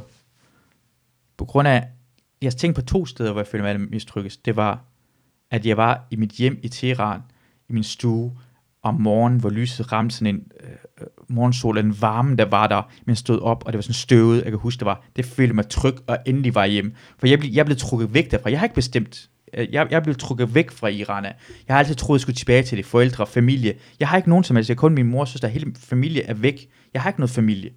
De er alle sammen, måske har min søster og min mor det, men det har jeg ikke. Og så følger mig, det andet, det var mest mærkeligt, det var i, i en vagtårn i, øh, lige ved fronten i Afghanistan efter en patrulje ved solnedgang. De to steder, jeg føler mig, har, føler mig allermest hjemme. Og, og det er ikke Danmark. Det er ikke her. Og det er, ikke, og det er bare ikke, jeg, jeg får den heller aldrig nogensinde tilbage igen. Det er ting, der ikke findes længere. Hvis jeg tager tilbage til Iran og kommer i forældres hjem, det sted findes ikke længere. Hjem er forsvundet. Men det samme, du flygtede flygtet fra et land, så er dit hjem forsvundet. Det er, en, det, det er noget, det ikke findes længere. Den blev smadret i en krig. Tror du, du det vil kunne lade sig gøre for dig, og gennem en terapeutisk proces, eller en, en anden proces, mental proces, og nå dertil, hvor du for eksempel ved at få et barn, du, altså, men, altså, vil det kunne forankre dig på en eller anden måde, så du føler, nu, nu, nu er det her hjem? Måske, er det, måske, måske for et barn, og måske også derfor, jeg har lyst til at øh, tale omkring den rigtige historie, om hvordan vi kom til Danmark, og man skal være ærlig. For jeg tror, inderst inde, allerinderst inde, bagerst inde, er jeg bange for, at hvis den rigtige historie kommer frem, så kan I trække min, hvad hedder det, det hele tilbage igen. For det bliver snakket hele tiden omkring, om man kan tage, et, hvad hedder det, øh, folks statsborgerskab tilbage igen. Det bliver snakket omkring det. Jeg er bange for min mor, jeg er bange for, at jeg selv kan blive smidt tilbage igen. Hvor meget kræver det politisk forandring for, at jeg ikke er fast forankret i Danmark? Og jeg tror, alle udlændinge igen har det, eller flygtninge har det på den måde der. Fordi det bliver snakket højlydt hele tiden omkring, om vi kan tage det. Hvis jeg begår en forbrydelse, kan det blive taget fra mig. Og så, så føler man sig ikke lige med de andre. Du er vel at mærke en person, der gerne vil interviewe Rasmus Paludan. Ja, fordi det er en, en rigtig... det- Sådan en person vil også findes i alle lande i, i verden. Den vil også findes i Iran endnu flere. Jeg synes, det, det, det smukke ved Danmark er, at det er kun 2% der vil stemme på Rasmus Paludan. Det er ikke det mærkelige, han findes. Den holdninger findes alle steder. Vi skal være mere opmærksom. Vi skal ikke prøve at skubbe ham væk. Vi skal lade de mennesker komme til tale. Vi skal få lov til at tale. Det, vi, vi, det, jeg, jeg siger ikke, jeg, jeg, forsøget skal ikke være, at få mig til at føle mig 100% som den. For det, måske kommer det aldrig til at lade sig gøre at være på samme måde. Vær opmærksom på, at det er anderledes. Det gør ikke noget som helst. Og være opmærksom på, at, at, at det handicap nu laver. Ja. Øh, øh, øh, at det findes, det er bare anderledes, og det gør ikke noget som helst. Jeg synes, at på en eller anden paradoxal måde, så gør det dig utroligt dansk, at du har den der indstilling. Og jeg ved godt, det er, altså... Jamen, så med, med holdningsmæssigt alle de for, men altså, du, det, det, din, altså den der mentalitet, som hedder, vi må kunne, vi må kunne gå i dialog med det, at alle har ytringsfrihed, Rasmus Paludan har lov til, altså, der er mange danskere, som ikke er lige så demokratiske over for sådan en stemme som hans, som du er. Øh, Ja, det synes og- jeg bare er et interessant øh, paradoks, fordi ja. samtidig så føler du dig øh, aldrig helt som dansker. Nej, og jeg vil også tage det frem. Jeg har, det er ikke noget på grund af, at jeg er født eller vokset op i Danmark. Jeg vil, det er også det sjove er, at det gør ikke noget, du siger det på den måde der. Men jeg tror, at rigtig mange øh, folk, øh, udlændinge har det på den måde. Med det samme, man gør noget, der er virkelig øh, åben og demokratisk og åben, så kan det folk det dansk med det samme. Hvorfor er det ikke iransk? Hvorfor er det ikke fra min Iran? Hvorfor har det ikke fået det fra min mor og far? Mm, mm. Hvorfor kan det dansk? Hvorfor gør det, når det er flot, så er det dansk, og når det er dårligt, så er det iransk eller noget andet? Det er også en mærkelig det var nu, det var Nej, ikke nej, jeg ved, jeg, ved godt, du, ikke- jeg ved godt, du ikke har tænkt på den måde der, men man kommer, man kommer også ja. Til at tage lidt for meget til sig og tænke på, det kan være fra et andet, mm. Altså den første, nu, og det er derfor jeg mener, det er ikke nogens, det er ikke dansk, det er ikke iransk, det er ikke noget som helst. For hvis man går tilbage i historien, så vil min mor sikkert sige, du gør det første af menneskerettigheder, det er nogensinde er skrevet ned, det er uh, uh, Cyrus the Great, der gjorde det, det er iransk, det er også der har fundet på det. Men jeg siger bare, det er ingens, mm. det er bare mennesker, der på den måde der. Mm. Uh, det, det er dansk lige nu i dag, men det var ikke dansk for uh, 150 år siden, hvor vi havde enevælde. Ja. Men det er en god pointe, Masud. Den, den, øh, den, den tager jeg til mig. Det er jo fordi, at der er- en diskurs om, at det er nogle, øh, at det sådan er en særlig dansk ting og Ja. ja. sådan noget. Og min pointe var egentlig, at, at mange danskere lever ikke op til, altså nogle af de danskere, som slår meget på dansk, lever ikke selv Ja. op til de ting, som de kalder særligt danske. Ja. Det var det, jeg egentlig prøvede at sige på en lidt forkert måde. Jeg forstod det godt, jeg forstod godt, Okay. hvad du prøvede på. Øhm, så på trods af, at du i 1992 øh, køber decideret en klaphat, øh, Vi havde ikke nogen penge også, bare det vi se. Klokken havde så 120 kroner eller sådan noget lignende. 9-årig eller sådan noget. Hvad har du været der? Øh, 8, 7 år må det være, dengang de vandt det. Så ja, jeg, jeg, jeg, jeg jeg, blev blev, 83, ikke? Jeg, jeg måske var, måske var 8 år gammel. Ja. Øhm, og den, så, så stadig ikke- Så er der den anden ting, det er, at du har været udsendt både i Irak og Afghanistan ja. øh, for at kæmpe for Danmark, som det hedder. Ja. Øh, altså udsendt på vegne af, af Danmark. Ja. Øhm, og vi har slet ikke tid til at tale om alle mulige soldateroplevelser, det har du også gjort rigeligt. Ja. Ja. Men, men sådan selve grundfølelsen af, altså giver det mening for dig, at du er udsendt som dansk soldat repræsenterende øh, den danske nation? Ja, altså, ja. Giver det følelsesmæssigt mening for dig, at du er en del af en dansk her? Ja, ja det, det, det gør det, men jeg- nu kan vi komme ind til, hvor jeg kunne også godt føle, mens jeg var udsendt, at der var nogle folk, der var nok imod, at jeg var en del af det danske her. Det kræver så overbevisning af de folk, jeg var udsendt sammen med, jeg var det. Nogle gange imellem følte jeg mig 100% dansk, men at jeg følte som, at jeg var en del af de andre folk, og nogle gange imellem fandt jeg ud af, at de ikke så mig selv. Som, altså, jeg, er også, okay. Jeg er også blevet rigtig meget ked af, at jeg blev udsendt. Det er en anden ting. Det Men, har du bare ikke talt så meget om. Det har lyttet som om, at der er et, var et stærkt sammenhold, og at du var øh, ligesom fuldt accepteret. Men det tager jo et stykke tid, men det sjove er, at de folk, der, jeg, jeg har en joke omkring med den ene, det gør grin med, at jeg var, kalder mig en af de vilde, eller jeg kalder mig en af de tarmester for de vilde. De folk, der kaldte mig det, det var de måske mindst, altså de var dem, der ikke havde fordomme. Ja. Det er folk, der ikke siger noget og lader som om, øh, det er sådan mm. Meget interesseret hvem jeg er, og bliver overrasket over, hvor meget dansk jeg er. Det var dem, der sender ud, senere hen fandt ud af, at de havde nogle mærkelige holdninger til mig, og de troede noget dårligt omkring mig, og ikke ville have mig udsendt sammen med. Det var det folk. Men grunden til, at jeg spørger dig, det er mm. selvfølgelig fordi, at det i hvert fald fra, en, fra et vist perspektiv er det noget af det mest patriotiske, man kan gøre. Det er at være udsendt for Danmark. Jamen, det er præcis også der, det er også derfor, jeg ikke føler det, det, det, den der, det er ikke logisk at være racist, for hvis vi tog en, hvis vi skulle være, gå igennem retssamfundet, og så skulle vi lave en liste omkring, og vi vil gerne have det mest danskere, dan, danske danskere være i Danmark, hvad skulle kriterierne være for det? Så tror jeg, hvis vi havde kriterierne overfor os, så ville jeg få lov til at være der lang tid før nogle danskere vil have lov til at være her, på grund af at være udsendt, jeg, jeg har ikke blevet færdig med min uddannelse, jeg jeg kan tale dansk, jeg er, er, er også med, hvordan jeg, mine holdninger er, øh, og hvor lang tid jeg har boet i Danmark. Lad os sige, hvis det, det skal være det, der skulle gøre forskellen. Altså, jeg har boet her i Danmark siden 90, nu er jeg født i 1992, ikke? Øh, øh, og så ved jeg i sidste ende, når en, en fra DF eller Rasmus Paludan eller nogen siger bare, øh, "Jamen, jeg vil ikke lige fortælle, hvad dansk er, det betyder, at jeg er ikke en del af den pakke, som er dansk. Ja. Så hver eneste gang, det bliver snakket omkring, uanset hvad jeg har gjort, jeg har været udsendt, jeg har gjort det godt, øh, øh, så ved jeg i sidste ende, når den politiske når de snakker omkring, at danskerne skal få lov til at være Danmark, når de snakker for højrefløjen, så er jeg ikke en del af pakken danskerne. Mm. Og det er jeg 100% klar over. Og det irriterer ja. mig også. Og derfor siger jeg, okay, jeg forstår det godt. Så, så, du har, så vil jeg også gerne gå klar over for dem folk, der siger det, jeg har lyst til at afskaffe retsstaten for at smide mig ud. For det bliver man nødt til at gøre. Mm. Ja. Og så har jeg lyst til at gå imod grundloven. Mm. Det har jeg ikke lyst til. Jeg har godt lide dansk grundlov. Så er der måske ikke for meget for, hvad hedder konge, øh, monarkiet, så er jeg mere for danske grundlov, end du er, for du har lyst til at smide det væk, for lov til at smide mig ud. Jeg er nødt til at spørge endnu en gang, øh, og lige bore Ja, lidt ned i det der. Ja. Ja. men det er helt okay. Det er rigtig fint. Øh, men tilbage til det der med at være udsendt. Har du haft følelsen af at være stolt af at være en del af en dansk her, eller følt dig som i øjeblikke, eller i perioder, som du, du er en del af en eller anden form for patriotisk dansk her som udsendt? Ja, jeg, ah, det har jeg. Jeg har følt mig, jeg har været glad for at være en del af det danske her. Jeg, har, jeg tror, folk, der har været udsendt med mig, øh, ved godt, at de kan næsten gå i krigen med, at jeg er mere dansk, end de var. Mm. Og nogle gange imellem gjorde krigen med det, fordi også med, hvad, hvad, hvordan jeg var Der kommer den jo igen, den der figur, ikke? Ja. Øh, altså, at du er mere dansk end ja. Så mange andre. Ja, de blev overrasket over det, af hvordan jeg havde, Ja. af hvordan jeg, jeg, Ja. jeg var. Uh, uh, så nej, nej, det har jeg været, altså, jeg, jeg, igen, jeg, jeg, jeg er stolt af landet Danmark, jeg er stolt af danske nation, men jeg har ikke andet tilknytning til det, end hvad Danmark og uh, danskerne er i nuværende tidspunkt, for jeg ved ikke, at de kan ændre sig.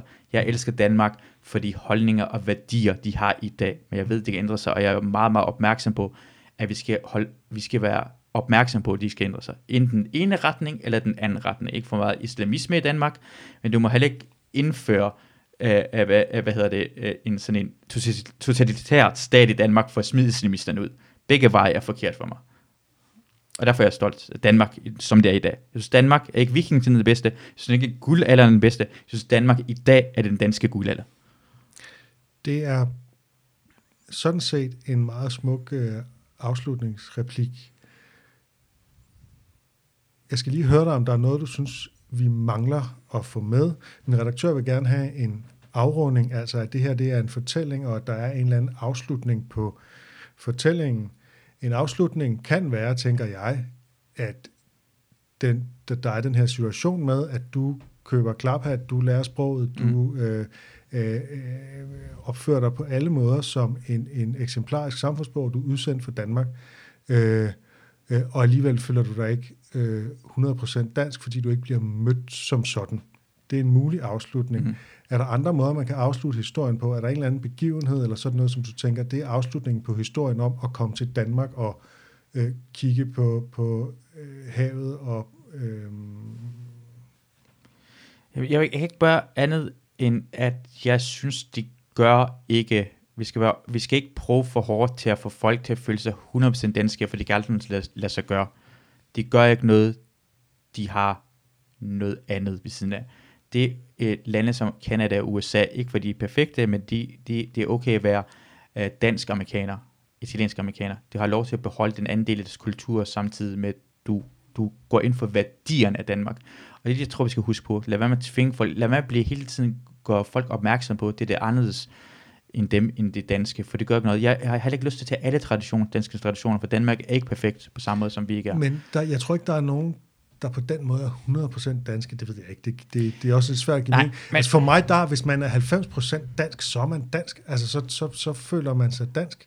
Der er virkelig, jeg har ikke noget som helst med øh, altså, nogen særlige følelser for kongehuset for eksempel, eller sådan nogle ting, som skulle være med i at være 100% dansk. Men, men det er et problem for, for, for, lad os sige den her ting. Jeg vil gerne have en eller anden dag, at mig eller mit barn kan sige, Danmark er et lorteland. Uden med det samme, nogen siger til mig, så skrid hjem, hvor det kommer fra. Den dag, for det kan lade sig gøre, hvor der ikke er nogen, der vil reagere sådan. er det, og, og det vil reagere lige så mange folk vil sige det, hvis du sagde det, Torben Sangel sagde det, som Masud Vahedi. Ja, Ja, Den okay. procentandel, der sagde, tag hjem, til, tag hjem, hvor du kommer fra, Ja. vil være nøjagtigt det samme. Eller, ja, fordi de vil, sige, de vil ikke Ja. tage hjem, vil de aldrig nogensinde sige til dig jo, for du er der. De kan Ja. sige, at du skal ud af Danmark, men der vil være en del folk, der vil sige til mig, tag hjem, hvor du kommer fra. Og det gør mig, at de er, de er opmærksom på, at det har måske ikke mit hjem. Og det, for min barn kommer til at måske på samme måde børnebarn og øh, længere hen. Det er desværre en utopisk situation, fordi som du selv igen og igen påpeger, så er der racisme i alle samfund, Ja. og øh, skepsis over for fremmede, og øh, altså selv i USA, som øh, i stor grad i øjeblikket, men altså som jo i princippet har været det store åbne land, hvor alle kunne komme til og sådan noget, der har jo været rigeligt med problemer i den retning. Ikke? De er bare langt mere øh, åbne til at snakke omkring deres problemer i Det Danmark. er de prøver at en meget det. stor del af samtalen, ja. Ja. Det er rigtigt. Jeg vil øh, sige tak til dig, Masud, for Selv tak. at øh, stille op her i, øh, i Masud Vahedi podcast. jeg synes, det var en rigtig fin samtale, og jeg håber også, at lytterne derude synes det.